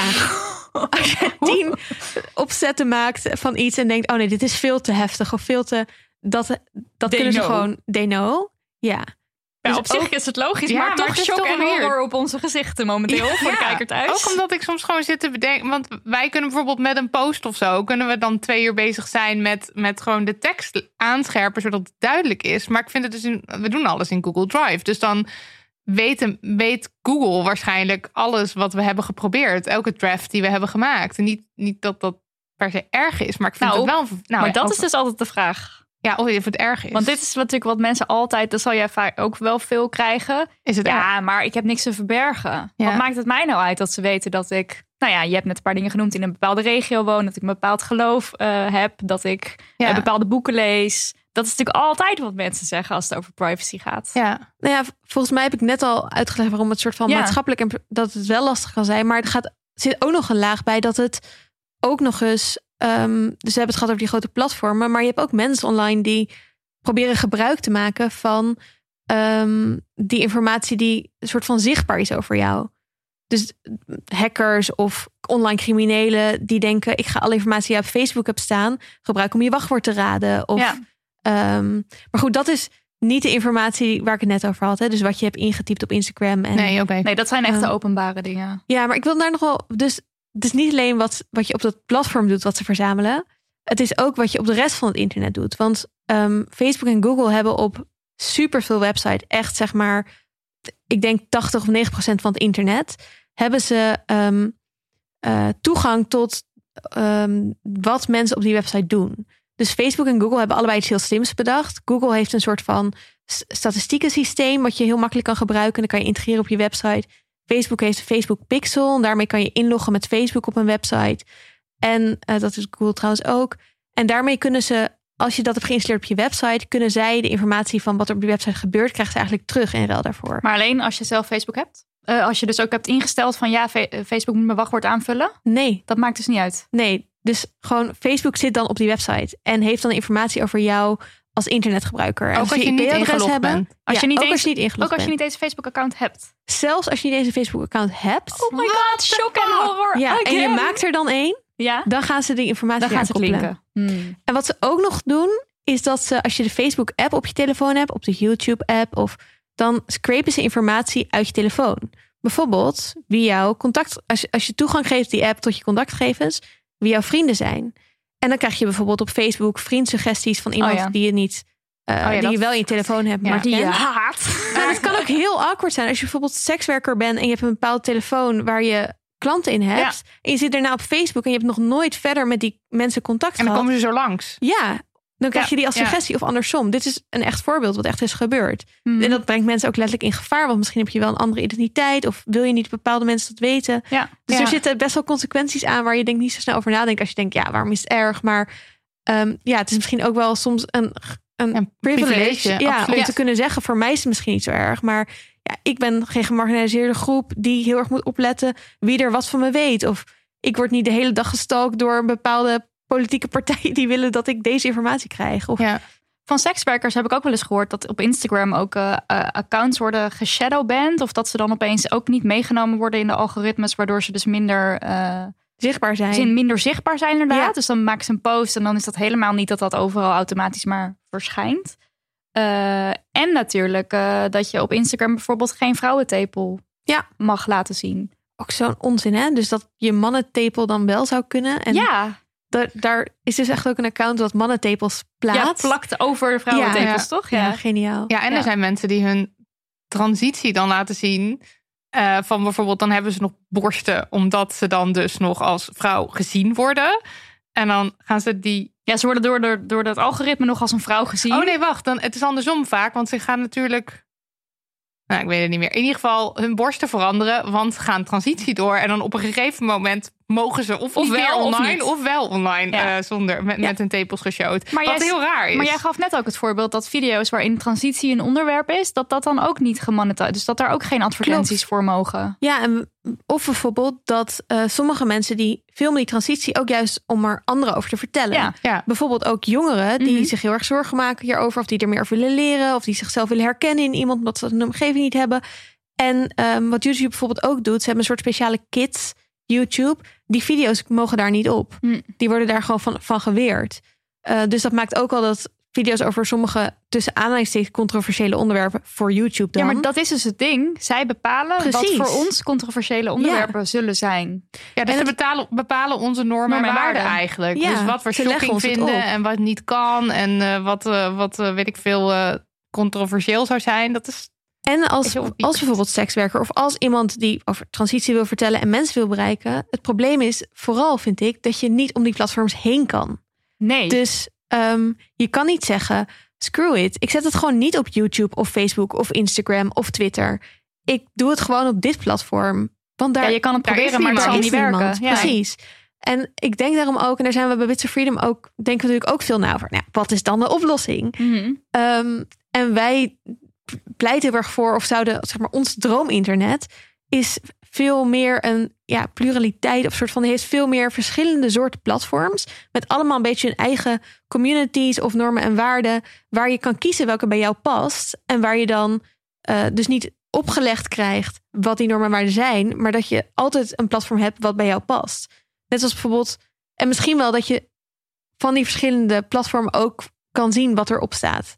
Net zoals dat je e-mails kan sturen die naar iemand die niet Gmail heeft. Als Oh, zo, je ja. zo'n soort van dus dat je niet per se eh, alleen maar op het platform het kan zien. Nee, ik wou Maar zeggen, want anders zit je in een bubbel. Maar dat wil je dan dus niet. Ja, precies. Ja. Maar dat het niet meer zo afhankelijk is van wat één bedrijf bepaalt. Dat we allemaal op datzelfde platform zitten en alleen maar daarop kunnen posten en dingen kunnen zien. Want het is vooral, denk ik, ook die dominantie van die platformen die het nu zo ingewikkeld maakt.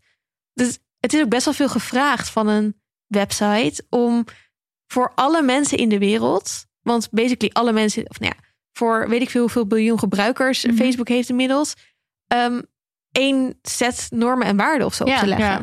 Want wat de een in, in Nederland vinden we ook andere dingen shocking of, of vervelend om in onze timeline te krijgen dan in Amerika. Maar ja, welke kiezen ze dan? Nou, ze Ja. kiezen dan misschien wel voor het strengste of voor het Amerikaanse, want daar komt het bedrijf vandaan. Dus ehm, misschien is de oplossing niet om. Ik denk dat in de dichtstbij oplossing is om veel strengere regels te maken over wat een platform wel en niet mag censureren en wat Ja. voor hulp ze kunnen geven en dat soort dingen.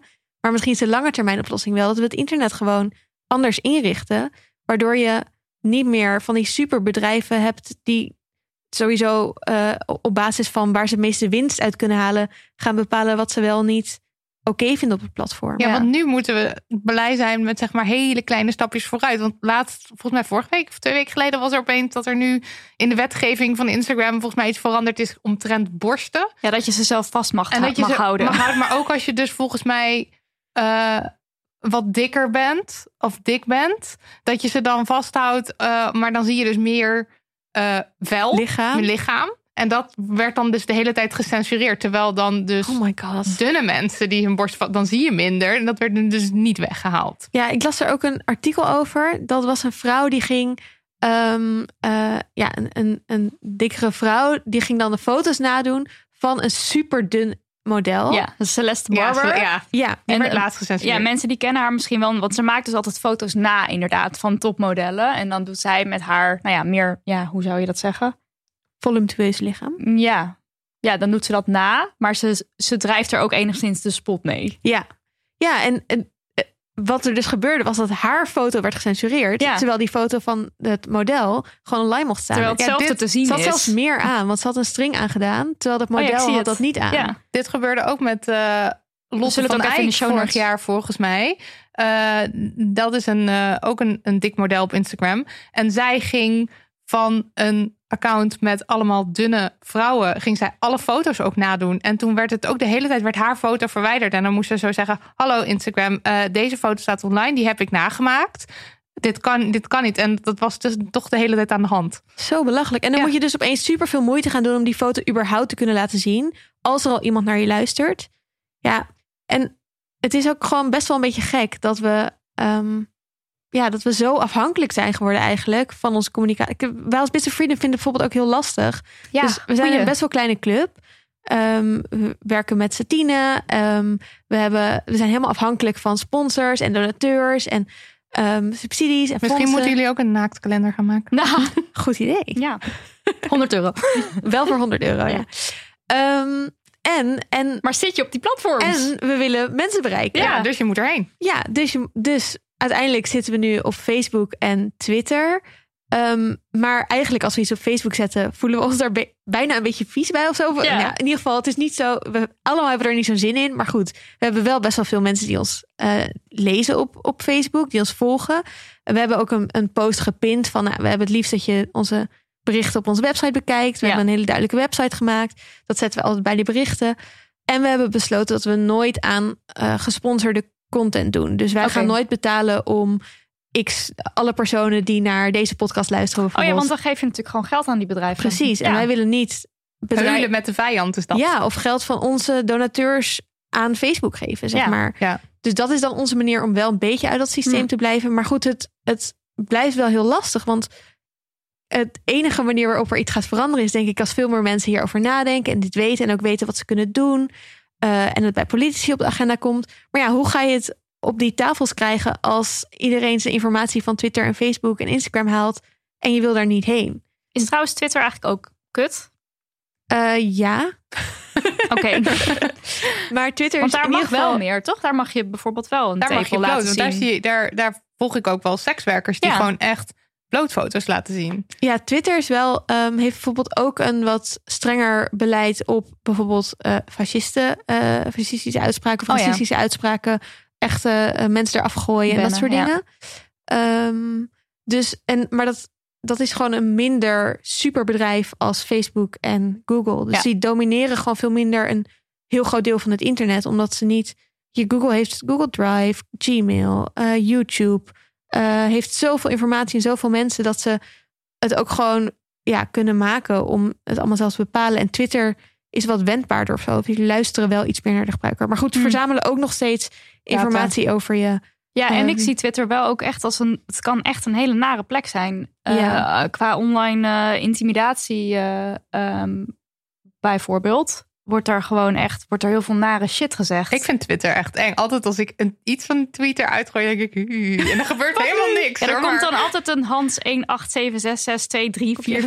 Oh ja, die die dan, zegt. en als het er niet Hans is, dan is het Wim 128733322. Ja, met een of andere sketchy ja. foto, eh, waar helemaal geen, fo- geen foto, maar een of ander plaatje. Ehm, daarover kwam ook laatst een onderzoek naar buiten dat vrouwen eh, online eh, meer te maken hebben met intimidatie. Ik heb het even bijgepakt. Dus eh, het gaat over jonge vrouwen 15 tot en met 25. Daarvan is 58% het slachtoffer van online intimidatie. Ja, en ik kwam een eh, artikel tegen eh, met als kop... Uitvinder internet vindt het web onveilig voor vrouwen. Oh ja, dat Ja. ook nog. De uitvinder van het internet. Het internet Het van het internet. World Wide Web. Ja, van het internet. Het- als ik het eh, goed zeg, geloof De, ik. de interwebs. Ja, Ehm, ja, ja. ik denk daar een beetje. Ja, dus ik denk eigenlijk eh, dat het ehm, de samenleving gewoon best wel onveilig is voor vrouwen. ja. En, dat, dat je dat dus- dus, en dus ook heel erg internet ook. terugziet. Ja, en, in, en Twitter zeker, maar heel veel van die sociale platformen zijn echt een manier om radicale stemmen of mensen die iets, eh, een, een uitspraak doen, die iets oproepen bij mensen, om die te versterken. Ja. En ehm, dat heeft ook als effect dat een, eh, een scheldende man eh, eh, en andere scheldende mannen die dan. Het is een soort van een soort kroeggevecht waar iedereen zo hey, hey, hey staat mee te doen ja. dat dat heel erg gebeurt, denk ik, op die platforms. Ja. Dus dat het soort van, ja, de, de slechte kanten van de mens of zo. ja, dat, omdat je anoniem bent. dat ook. Het maakt het allemaal heel makkelijk. Maar wel hier Ja. iets positiefs, nou enigszins positief, is dat Claes Gargard, die had eh shitload, daar hebben we het denk ik eerder over gehad in de, in de podcast. ja, Zij dat, had was een honey heel veel- yes, dat het een...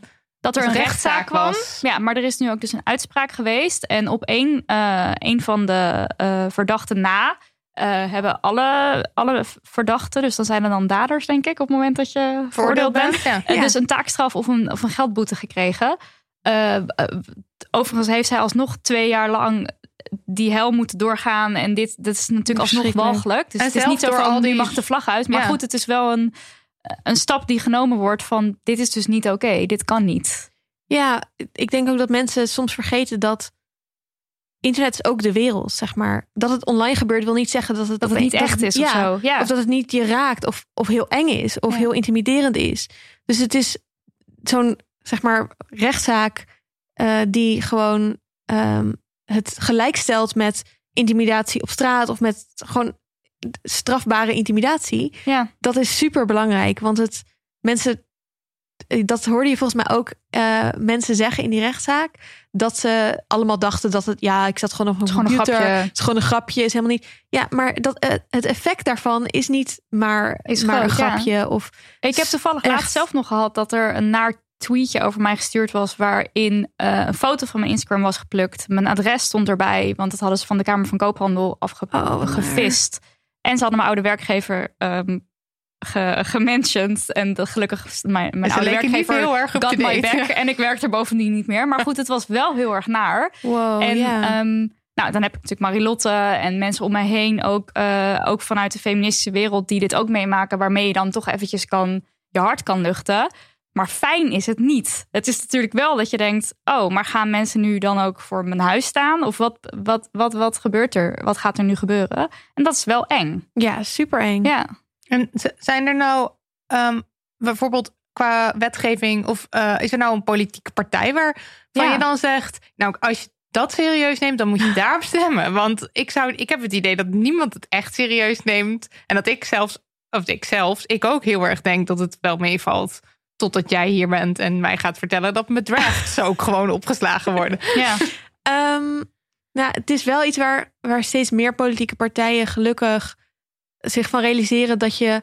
Dus je had steeds ehm, partijen die dan één een woordvoerder hadden die digitale zaken deed. Dan heb je nog steeds wel een beetje die soort van de, de hoofdpersoon is over die onderwerpen. Maar ehm, internet en digitale zaken zitten inmiddels in alles. Zeg maar als het over onderwijs gaat, dan gaat het ook over Google die Ja, eh, allemaal scholen overal. een pakket aan het aanbieden is. Waardoor je dus van hele jonge leeftijd aan al informatie aan Google geeft. Ja, Of plus ook op hele jonge leeftijd eh ge- eh, hoekt raakt op- Ja, op Google. Want je denkt, oh, dit, dit is, dit is hoe het werkt. Dus dit vind ik fijn. Dus dit Ja, koop ik ook als ik 18 en ik ga studeren. Ja. Ja, dus wij hopen vooral dat politieke partijen over en dat zien we ook wel, over het hele, gewoon iedereen die iets doet bij die partij eh, in de Kamer of waar dan ook, snapt dat je ook het online component moet meenemen. Ja. Ehm, specifiek politieke partijen, ja, ik ben super benieuwd naar de verkiezingsprogramma voor de komende verkiezingen. Omdat het dus de laatste jaren zo hoger op de agenda is gekomen, dit allemaal. Ben ik echt heel benieuwd welke partijen gaan echt hier ook maatregelen over in hun programma's gaan zetten. En wat ook heel belangrijk is, is om, als je dit belangrijk vindt, eh, te stemmen voor de Europese verkiezingen. Want heel veel van dit soort wetgeving ehm, wordt in Europa gemaakt. Bijvoorbeeld de wet waardoor ehm, de, de AVG, waardoor mensen of organisaties veel voorzichtiger met je data om moeten gaan. Nou, dat is dan is in over pri- oh, je hebt de privacywet. Waardoor wij bijvoorbeeld eh, nu op onze website moeten we zo'n privacyverklaring hebben. Ja. als je informatie verzamelt. Ja. Ja, oké. Maar je En- verzamelt eigenlijk vaak al wel data, toch? Eh, tenminste, dat kreeg ik door. Dan als je dan een WordPress-site bijvoorbeeld hebt, dan verzamel je blijkbaar automatisch data. En dan moet Ja, je die privacyverklaring hebben. ja, een soort van statistieken over je gebruikers. Eh, als je dat aan hebt staan, dan verzamel je eigenlijk al data. ja. Ja, dus dan moet je de. Kijk, op zich is het niet de soort van. Ik vind het logisch dat je ergens moet uitleggen: hé, hey, dit doen we. Als je niet die data verkoopt, dan is het ook niet zo erg. Zeg maar, je hoeft, dan hoef je er niet. We doen het wel minimaal. Dat Het ik toch even zeggen. Ja, we doen het, we Nee, doen het alleen. Oh, Eh, het het verzamelen. opslaan. Ja, Nee, zeg nee, maar, ik- we ik- hebben echt alleen maar de, de allernoodzakelijkste Dingen eh, aanstaan, dingen zodat die aanstaan website werkt. Nee, Ja, maar dat is dus ja. ook helemaal niet Ja. erg. Zeg maar, dat, dat wil ik meer zeggen. Van, het is logisch dat je soms informatie verzamelt. Ja. Want het is ook heel handig om te weten hoeveel mensen op je website zitten.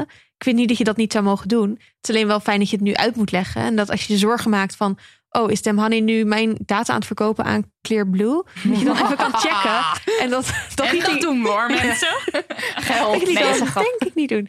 Nee, maar ehm, wat was ik ook weer aan het zeggen? Ehm, Nou, het is goed dat je dus wel moet uitleggen als website zijnde. ja, en, dat oh je ja, dus dat in cookies... Europa dat, dat daar wordt gewerkt aan die wetgeving. En ook om die platformen dus aan te pakken. Dus om te kijken wat we kunnen doen tegen, nou, ja, waar we het allemaal net over gehad hebben, dat Facebook en Google overal je data, eh, data van halen van welke website je ook bent, tot je vrienden die in je telefoon staan. Ja. Om dat een beetje aan banden te leggen. Want dat kan je niet als Nederlandse overheid zeggen. Want dat dan heb je zo'n klein stukje van Facebook. Ja, eh, dat de moet gewoon een gebruikers. veel grotere partij zijn die daar ja, de... dat moet je wel als Euro- Europa doen. Of Ja. als de Verenigde Staten. Goeie. Maar eh, voordat we 100 jaar verder zijn, is er wel nog even een belangrijk onderwerp. En dat zijn de cyclus trackers. Want daar Ja. ben ik gewoon. Dat, daar kregen we ook veel vragen over. Welke cyclus trackers zijn kut? En welke zijn lekker bezig met je gegevens? En wat doen ze met je gegevens? En wat slaan ze op? Help ons. Ja, vervelende boodschap. Ze zijn bijna allemaal echt kut. Ja. Ehm, er is echt het meeste geld te verdienen voor bedrijven aan informatie over wanneer vrouwen vruchtbaar zijn en wanneer ze zwanger zijn. Ja. Omdat dat momenten zijn in eh, de marketingtheorie waarin gewoon eh, mensen heel veel producten kopen. Want ja, als je zwanger bent, dan heb je heel veel Spullen spullen nodig. nodig. Ja. En als je in je, ja, een beetje generaliserend, meestal de lente en zomer van je cyclus zit, dan sta je meer open voor bepaalde producten Dit dan is toch ook in andere shocking, hè? momenten. Ja, dat is ja, echt erg. Ja. Ik herken het wel. Ja, dan ga je zo lekker shoppen. Want Ja, bla, bla, bla. zin in. Ja, dat staat ook allemaal in het boek van Macy Hill. eh, nee, waar ook, Ziektestrategie. ja. ziektestrategie. Ehm, dus die data willen bedrijven heel graag hebben. En wat is de makkelijkste manier om die data te verzamelen? Een cyclus-app maken. En dan denk je natuurlijk als gebruiker van... oh, wat fijn, dankzij deze app heb ik inzicht in mijn cyclus. Maar ondertussen heeft dat bedrijf ook inzicht in je cyclus... en maken ze daar gebruik van. Ja, en het is ook wel zo dat er bedrijven, dat er cyclus-apps zijn. Bijna alle apps hebben een integratie met Facebook. En dan weet dus in ieder geval Facebook de hele tijd. Dus je vult in wanneer je seks hebt gehad, want dat kan je dan ook doen in een app. Oh ja, dan tuurlijk. gaat Als je, meteen- Stel je wil, je wil zwanger Ja. worden, dan vul je dat natuurlijk ook nog in. Ja. Of je wil niet zwanger worden en je wil dus weten wanneer je seks hebt gehad, zodat als je eh, te laat eh, ongesteld wordt, dat je weet oh, of je zo, dat je weet of of het... niet. Oh ja, ja, ja. Dus nou, er je zit kan er vaak heel veel dingen in. inzetten. Ja, je kan invullen eh, of je Slecht misselijk bent geslapen of, hebt. Ja, dat Precies, soort dingen. Of, of je, ehm, ehm, eh, ja, allemaal ziekteverschijnselen kan je erin zetten. Ehm, of je gedronken hebt of niet. En nou ja, de Privacy International heeft daar een onderzoek naar gedaan. Dat is ook een privacyorganisatie. En dan zie je gewoon in de code dat er een, een signaaltje naar Facebook gaat met... deze persoon heeft gisteravond onbeschermde seks gehad. Dit is echt zo Super heftig. heftig. Een app die dat, die dat in ieder geval niet doet is Clue. Ja. Clue is een app die eh, door een Duits bedrijf is gemaakt. Ehm, dat eh, eh, ook de, ze met jouw instemming verwerken ze wel data. Dan slaan ze data op, maar dat gebruiken ze dan voor ehm, onderzoek. Dus om bijvoorbeeld eh, te kijken wat het effect is. Omdat er zo weinig onderzoek gedaan wordt naar vrouwen. En het effect van je cyclus op bijvoorbeeld bepaalde ehm, aandoeningen of Mhm. ziektes. Daar willen ze die data voor gebruiken. En ze slaan die data dan op in een beveiligde cloud. Bla, Ja, dus bla. dit is een positieve manier van data gebruiken. Ja, zou je kunnen zeggen. Ja. Nou zijn er wel, las ik, ik las vandaag, las ik me er nog maar even over in, dat ze bijvoorbeeld wel aan Facebook doorgeven eh, eh, of je inlogt of niet. Dus of je, de, oh nee, of je de app hebt of niet. Dus dat kan voor Facebook ook van Glue zijn, maar niet de informatie die je in de app stopt. Oké, dus minimaal. Minimaal. Oké, ja. dus, dus Facebook weet alleen, Heb je Glue of diegene heeft die, eh, heeft die app. Of Ja. maakt gebruik van die app. Volgens mij als je inlogt met Facebook. Dus dat En is je, dan je wel... hebt een stuk voor mensen, er zijn ongetwijfeld mensen die luisteren die denken: Oké, ik heb geen clue, maar ik heb dit of dit. Is dat dan wel goed? Dus jij hebt geloof ik een stuk geschreven, toch? Waar Ja. we naar kunnen linken in de show notes. Ja. Dan kunnen mensen zelf opzoeken. ja, Maar precies. eigenlijk is jouw. De tendens is, alles is kut, ik ben het Clue. weer op papier gaan doen. Oh, echt zo zelfs. Ja. Ja. Maar ook omdat ik dat boek had gelezen, cyclusstrategie, en dacht, Ja. oké, ik wil nu ook de temperatuur meten en zo. ja. Maar dus wat ook nog wel een voordeel is aan Clue en iets wat ik heel vervelend vind aan heel veel andere apps, is dat ze allemaal super roze en ehm soort van heel erg ehm ja, stereotyp zijn. Ja. Maar Clue Soms is dat niet zo heel erg, toch? En Clue nee. is dat niet. Nee, oké, Ja. ja, is. En dat heel veel van die apps, dat vind ik ook echt heel zorgwekkend. Dat ehm, heel veel van die apps kan je alleen maar een cyclus hebben die max 35 dagen is. Oh, Terwijl ik heb af en toe dat mijn cyclus heel lang duurt. En dan kan dat gewoon niet. Dan, dan ben ik dus blijkbaar niet een normaal, normale vrouw of zo. Ehm, en eh, dat je ook niet bijvoorbeeld kan uitzetten dat je een cyclus hebt. oh ja. Dus terwijl er ook vrouwen zijn die niet menstrueren. Of menstrueerders zijn. Nee, wacht. Vrouwen die niet menstrueren. Ja. Dus dat is ook heel fijn als je dat uit kan zetten. Maar dan wel een soort van kan bijhouden. Bijvoorbeeld die symptomen. Of wanneer je seks hebt gehad. Of dat soort dingen. ja. Dus een soort van alsof een cyclus-app alleen maar voor een bepaald soort vrouw of meisje is. Hm, ja. Dat is echt problematisch. Maar ehm, dat, wat de wereld dus ook weer nodig heeft, is meer vrouwen die dit soort apps gaan maken. Ja. Want je ziet ook dat heel vaak de bedrijven achter die apps, dat zijn gewoon grote bedrijven die door mannen gerund worden en die denken, hé, hey, hier zit markt in. En in plaats van dat vrouwen die zelf menstrueren en weten wat je graag wil en nodig hebt, zo'n app maken eh, en er dan voor zorgen dat er geen creepy shit mee gebeurt. Ja, want nu moet ik ook weer denken aan het boek Onzichtbare Vrouwen, waarin er dus heel erg veel. Uiteindelijk is de, de boodschap van dat boek is: we missen zoveel data van vrouwen dat, dat, het, dat het daardoor niet een eerlijke wereld is. Ja. Ja, En die data moet wel verzameld worden. En dan kunnen we pas een gelijkwaardige wereld maken. En daar staan er dan het hele boek is dan gevuld met dingen. Maar Ja, ik ben uit- op- op uiteindelijk zich- gaat het over die data die mist. Ja, ik ben op zich niet per se voor meer dataverzameling, maar wel voor onderzoek. Ja. Dus inderdaad, dat je zegt, we willen een product maken wat gewoon mensen echt helpt. Dan moet je wel alle mensen proberen soort van te leren wat hen helpt. En niet Mhm. alleen maar bepaald type mensen of mannen. Wat Ja. in dat boek heel erg blijkt. Ja. Of dat, weet ik veel, auto's alleen maar getest worden. De airbags op mannen, waardoor die voor vrouwen heel vaak niet werken. Dat Ja, soort dingen. ja. Totally crazy. Ja. Dus eh clue op papier. Ehm, en vooral gewoon een beetje opletten. Ja, misschien wat je voor informatie in die app zet. Hm, ja. Ja. Z- Zullen we het enigszins positief afsluiten? Let's do that. Want, laten we eh, niet hier een... Bits of eh, Freedom To the eh, rescue. is al anderhalf jaar bezig met een toolbox ehm, rondom privacy. Ja, ja, we willen graag... Kijk, wij krijgen natuurlijk super vaak vragen van mensen. Ja, help. Help, wat kan ik doen? Ja, Eh, ik, en dan vooral, ik wil, ik wil eigenlijk niet meer dat Facebook alles weet. Of ik wil ehm, eh, zorgen dat ik ehm, veiliger ben online. Of dat anderen niet snel achter informatie kunnen komen. We hebben een toolbox gemaakt. ehm, waar al die allemaal tips in zitten hoe je dit kan doen. Het heet fixyourprivacy.nl. of toolbox.bitsofreedom.nl. Maar Fix Your Privacy is denk ik het makkelijkst. En ehm, hij is 10 november online. Het ziet er super leuk uit. En het is allemaal, we hebben echt geprobeerd om het super basic uit te leggen. Dus niet met allemaal ingewikkelde termen. En het liefst zelfs zo dat je het naar je moeder kan sturen. Hoe je WhatsApp-fraude kan herkennen.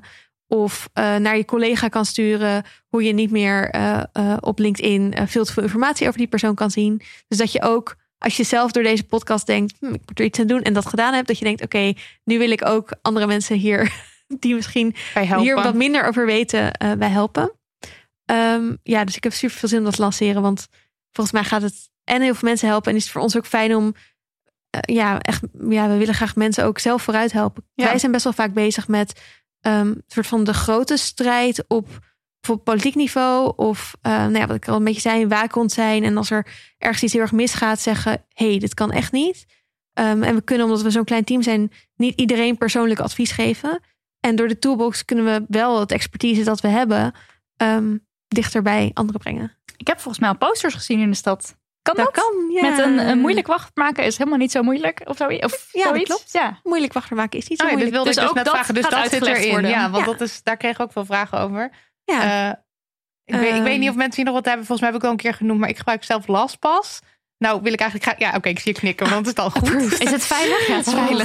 Dat is echt Ja. een ideale app om te zorgen dat je echt bij- onkraakbare wachtwoorden hebt. Die je Ja. wel zelf toegang toe hebt. ja, en die ook zelf wachtwoorden af kan invullen, zodat je niet elke keer opnieuw moet gaan opzoeken. En als je dat door Ja. Google laat doen?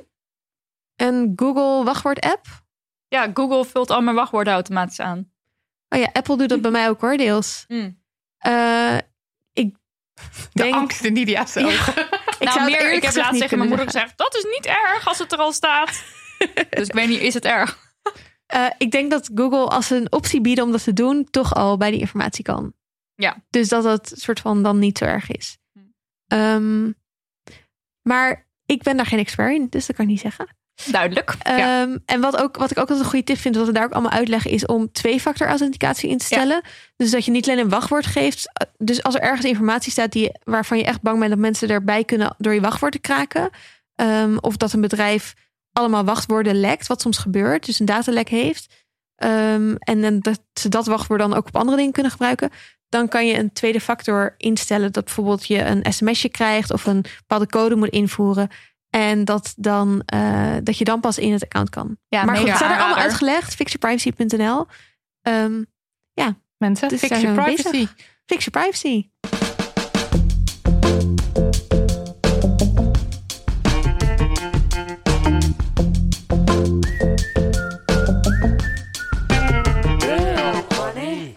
Onze afsluitende rubriek, de Damn Honey No. Iets waar we de afgelopen tijd boos van werden. En de Damn Honey Yes. Iets waar onze feministische harten sneller van gaan kloppen. Marilotte, wat is deze week jouw no? No technisch was het dramatisch allemaal. Ik moest kiezen. Het was een Ehm, zware week. Ja, het was een zware week. Er gebeurden een hoop vervelende, kutte dingen.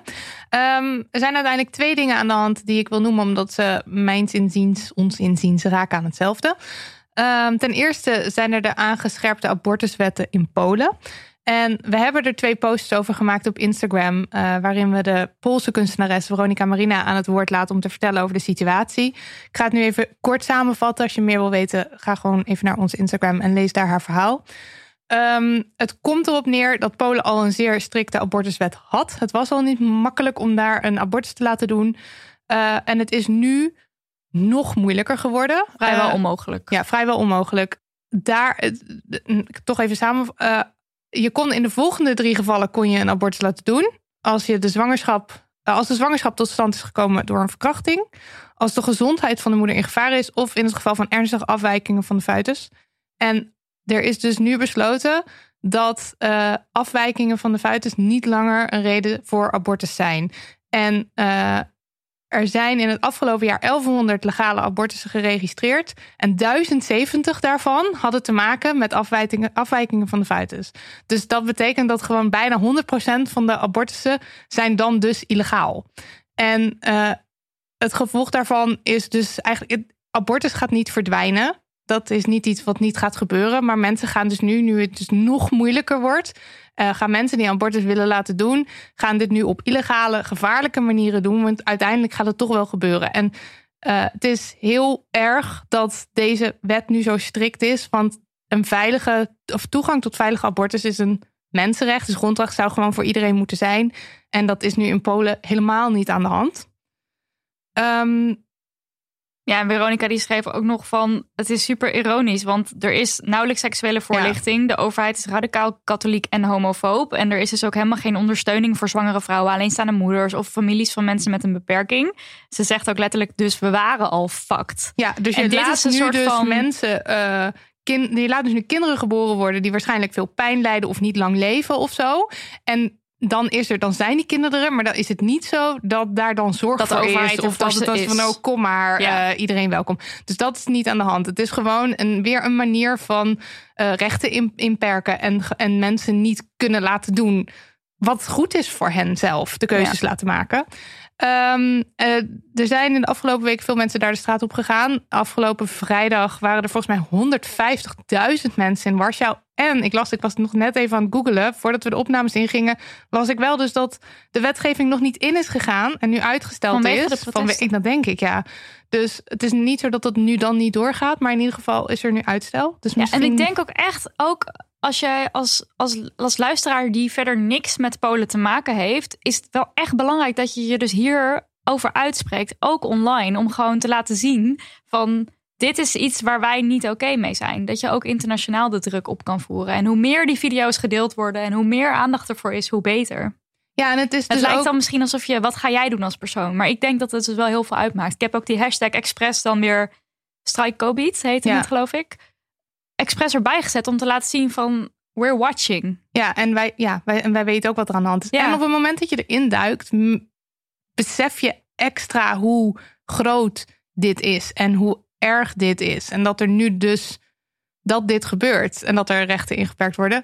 Eh, mocht je nou denken, ik wil iets doen, want dit is vreselijk, dan kan je ook het eh Abortusnetwerk Amsterdam steunen. Want zij helpen mensen die niet toegang hebben tot abortus om wel een veilige abortus te laten doen. Dus Ja. die kan je geld overmaken. Volgens mij halen ze mensen hierheen om het hier te laten doen en dan kunnen die mensen weer En terug. Women on Web natuurlijk. Ja, Women on Web. Rebecca Gomperts, die Ja. eerder bij ons te gast was. Eh, en denk niet dat er eh, alleen in Polen gemorreld wordt aan het recht op zelfbeschikking. Dat is nu ook eh, in, in Nederland. Het is niet zo dat er nu wetgeving is, maar er is nu in ieder geval een petitie ingediend waarin eh, er gepleit wordt voor gedwongen anticonceptie voor vrouwen bij verslaving, besmetting met hepatitis B en C of HIV, een psychiatrische ziekte, een verstandelijke beperking en bewezen kindermishandeling of doodslag. Dus het gaat hier over dat mensen eh, dat er een groep mensen is die zegt: we gaan nu aanwijzen wie wel en wie niet kinderen kan krijgen. En dat is iets wat we moeten gaan vastleggen in de wetgeving. Dat is heel eng. Dat is heel eng. En ik denk dat er zijn, we hebben wel gesprekken gehad met mensen die zeggen: ja, maar er zijn ook hele schijnende gevallen van kinderen die geboren worden in zulke uitzichtloze situaties, die weet ik veel, die in verschrikkelijke situaties leven. Eh, maar wil je daar dan niks tegen doen? Jazeker. We willen ook niet dat kinderen in uitzichtloze situaties worden geboren, maar ehm, gaan aanwijzen wie wel en wie geen kinderen mag krijgen, is daar niet de oplossing voor.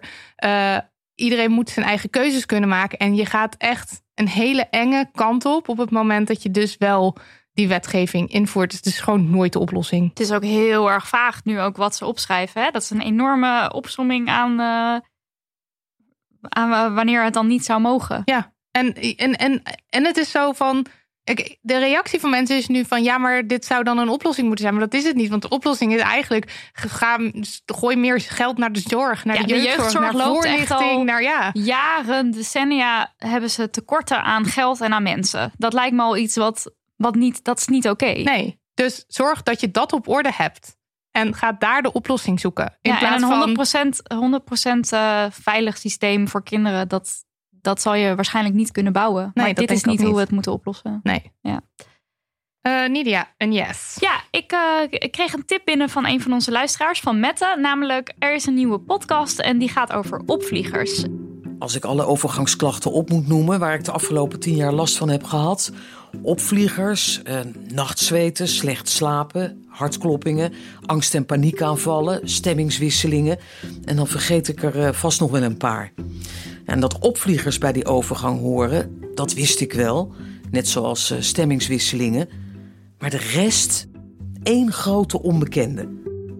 Ik vind het echt fantastisch dat dit gemaakt wordt. Het sluit natuurlijk ook heel erg aan eigenlijk op wat wij bij Damn Honey doen. Ja. Namelijk praten over eh, onderwerpen waar nog altijd een taboe, over, eh, een taboe op rust.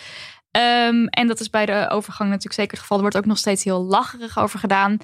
Maar wat denk ik misschien wat kwalijkste is, is dat er ook heel weinig informatie over bekend is.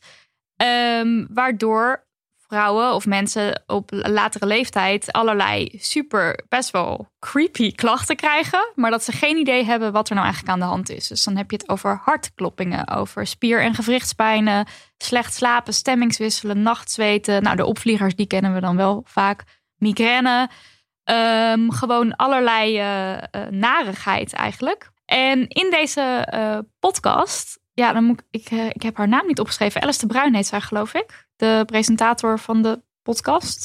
Ik ga het heel snel googlen. Lekker professioneel, Nidia. Ik was gewoon heel enthousiast. Ik heb gewoon zitten luisteren. Um, Alice de Bruin, ja, die, zo heet ze. Dat ik had wel goed onthouden. Zij vertelt dus ook dat zij s'nachts hartkloppingen krijgt. En dat de ambulance gebeld wordt door haar partner, geloof ik. Omdat die gewoon denken van nou, dit, dat is een hartaanval of dit gaat helemaal mis. En dat blijkt dus uh, onderdeel van de overgang te zijn. Uh, er komen allemaal mensen aan het woord die zelf over hun klachten praten. En dus niet op een lachere, manier, maar gewoon uh, serieus. En er zitten ook een paar fragmenten in de eerste aflevering... waarin Alice laat zien hoe er vanuit de maatschappij nog altijd gekeken wordt naar de overgang. En hoe nasty dat is een fragmentje van Linda de Mol. En ik moet wel eerlijk zeggen, ik weet niet hoe haar, hoe haar kijk er nu op is. Nee, maar dit is lang geleden. Dit is alweer een ja. tijd geleden. Maar ze heeft dus een keer gezegd van nou, de, de overgang, dat ga ik nooit in mijn tijdschrift zetten. Want dat is zo'n onsexy onderwerp. Het is geen leuk onderwerp. En we hebben ook mannelijke lezers, die zitten daar niet op te wachten. Het is geen spannend onderwerp. Oh my god. Nou, ik, ja, ik krijg er natuurlijk helemaal rillingen van als ik zoiets lees. Um, en dat zorgt er ook voor dat mensen zich schamen als ze de overgang in gaan. Uh, er hangt ook een soort ding omheen dat het, dat het aftakeling is. Of, of, dat, of dat je dus nou ja, je, je, je sexiness verliest. Uh, het, heeft, het is verbonden met oud zijn. Waar heel erg een stempel op is dat vrouwen horen niet ouder te worden. Uh, en een ander voorbeeld van wat ze ook aanhaalt is Hans Steeuwen. En uh, ik vertelde dit aan Marilotte. Ik ging het toen ook luisteren. Niet vanwege Hans Theeuwen, maar omdat die podcast bestond. En tot mijn grote shock en horror. Ik was dus vroeger groot fan van deze man. Ook omdat mijn uh, docent Nederlands, die had soms geen zin om les te geven. Dus dan zetten ze gewoon de tv in de klas en dan zetten ze Hans Steeuwen op. Dus ik, en ik vond hem echt hilarisch. En hij heeft dus een stuk waarin hij dan uh, vrouwen in de overgang helemaal belachelijk maakt. Dat is echt uh, vrouwen in de overgang die zweten en dan ligt er zo'n wijf naast je. Ja, precies. Ja. En dat is echt verschrikkelijk. En ik kwam er dus tot mijn grote uh, afschuw achter dat ik dat hele stuk uit mijn hoofd ken. Echt gewoon van, van begin tot eind. Ik kon het gewoon helemaal meeplaybacken in de winkel. En toen dacht ik, maar en, en ik weet dus nog, ik ken het ook zo goed, omdat ik. Dit is ook een van de dingen die heel veel indruk he, op, op mij heeft gemaakt. En, uh, van dit wil ik niet. Ja, dat wil ik niet. En uh, en, en je wil niet die oude vrouw zijn die zo zweet en weet ik wat. En je gaat je bijvoorbeeld al voor van alles schamen. Ja. Uh, echt verschrikkelijk hoor. Ik zal, wow. het binnen, ik zal het wel even een keertje laten zien dat ik daar helemaal mee kan playbacken. Ja, uh, en ook nog één feit wat ze ook nog noemt, is dat als je in de jaren negentig zocht naar informatie over de overgang op die interwebs, om het maar even weer rond te krijgen, dan kreeg je nieuws over transfers van voetballers. Oh, Zo man. tragisch. Ja. Ja, uh, maar goed, nu is er dus deze podcast. En ik zou zeggen, ga toch alsjeblieft luisteren. Ook al heb je misschien zelf helemaal niks te maken met die hele overgang. Of gaat het misschien nog heel lang duren. Maar ik denk dat het goed is als gewoon veel meer mensen weten wat het eigenlijk precies inhoudt. Uh, elke maandag een nieuwe aflevering in je favoriete podcast app. Dit was aflevering 54. Dankjewel Esther. Steun Bits of Freedom en luister de Vierkante Ogen Show. Vierkante ogen. Oh nee, jullie hebben een nieuwe tune. Ja. Ik moet er zo aan wennen. Ik heb wel altijd nog het liedje in mijn hoofd hoor. Ja, dat is toch gezellig. Ja. Dankjewel, Daniel van de Poppen voor al het editwerk. Lucas voor de fantastische swingende jingles. En Lisbeth Smit voor de parel van een website. En bedankt dag en nacht voor de Dummy en Corona-proof studio... waar we altijd zo heerlijk ongestoord kunnen babbelen. Remco, wat heb je je lekker rustig gehouden? Je hebt geen enkele keer iets willen zeggen. Anders hadden we hem laten uitpraten. Ja, absoluut. Zeker. Ja. Oké. Okay. Uh, Petje.af slash damhoney. Doe het. En lieve luisteraar, jij. Ja, jij. Nee, niet de persoon achter je. Jij. Dank je dat je er weer was. Zonder jou waren we niets. Mail ons op info.damhoney.nl als je een vraag hebt, een dilemma of iets waarvan je denkt... oh my god, dat moeten de honeys weten. Doe het niet. Zelf weten. Dag vloepies. Joejoe, pies. Oud. Joepies oud? Jij, oh, jij zei pies. Pies oud? Pies oh, out. pies oud. Ik zei joepies. Vloepies, joepies, dacht ik. En mens doet eens wat. Ik dacht, ik zei joe, pies, oud. Dag. Doei.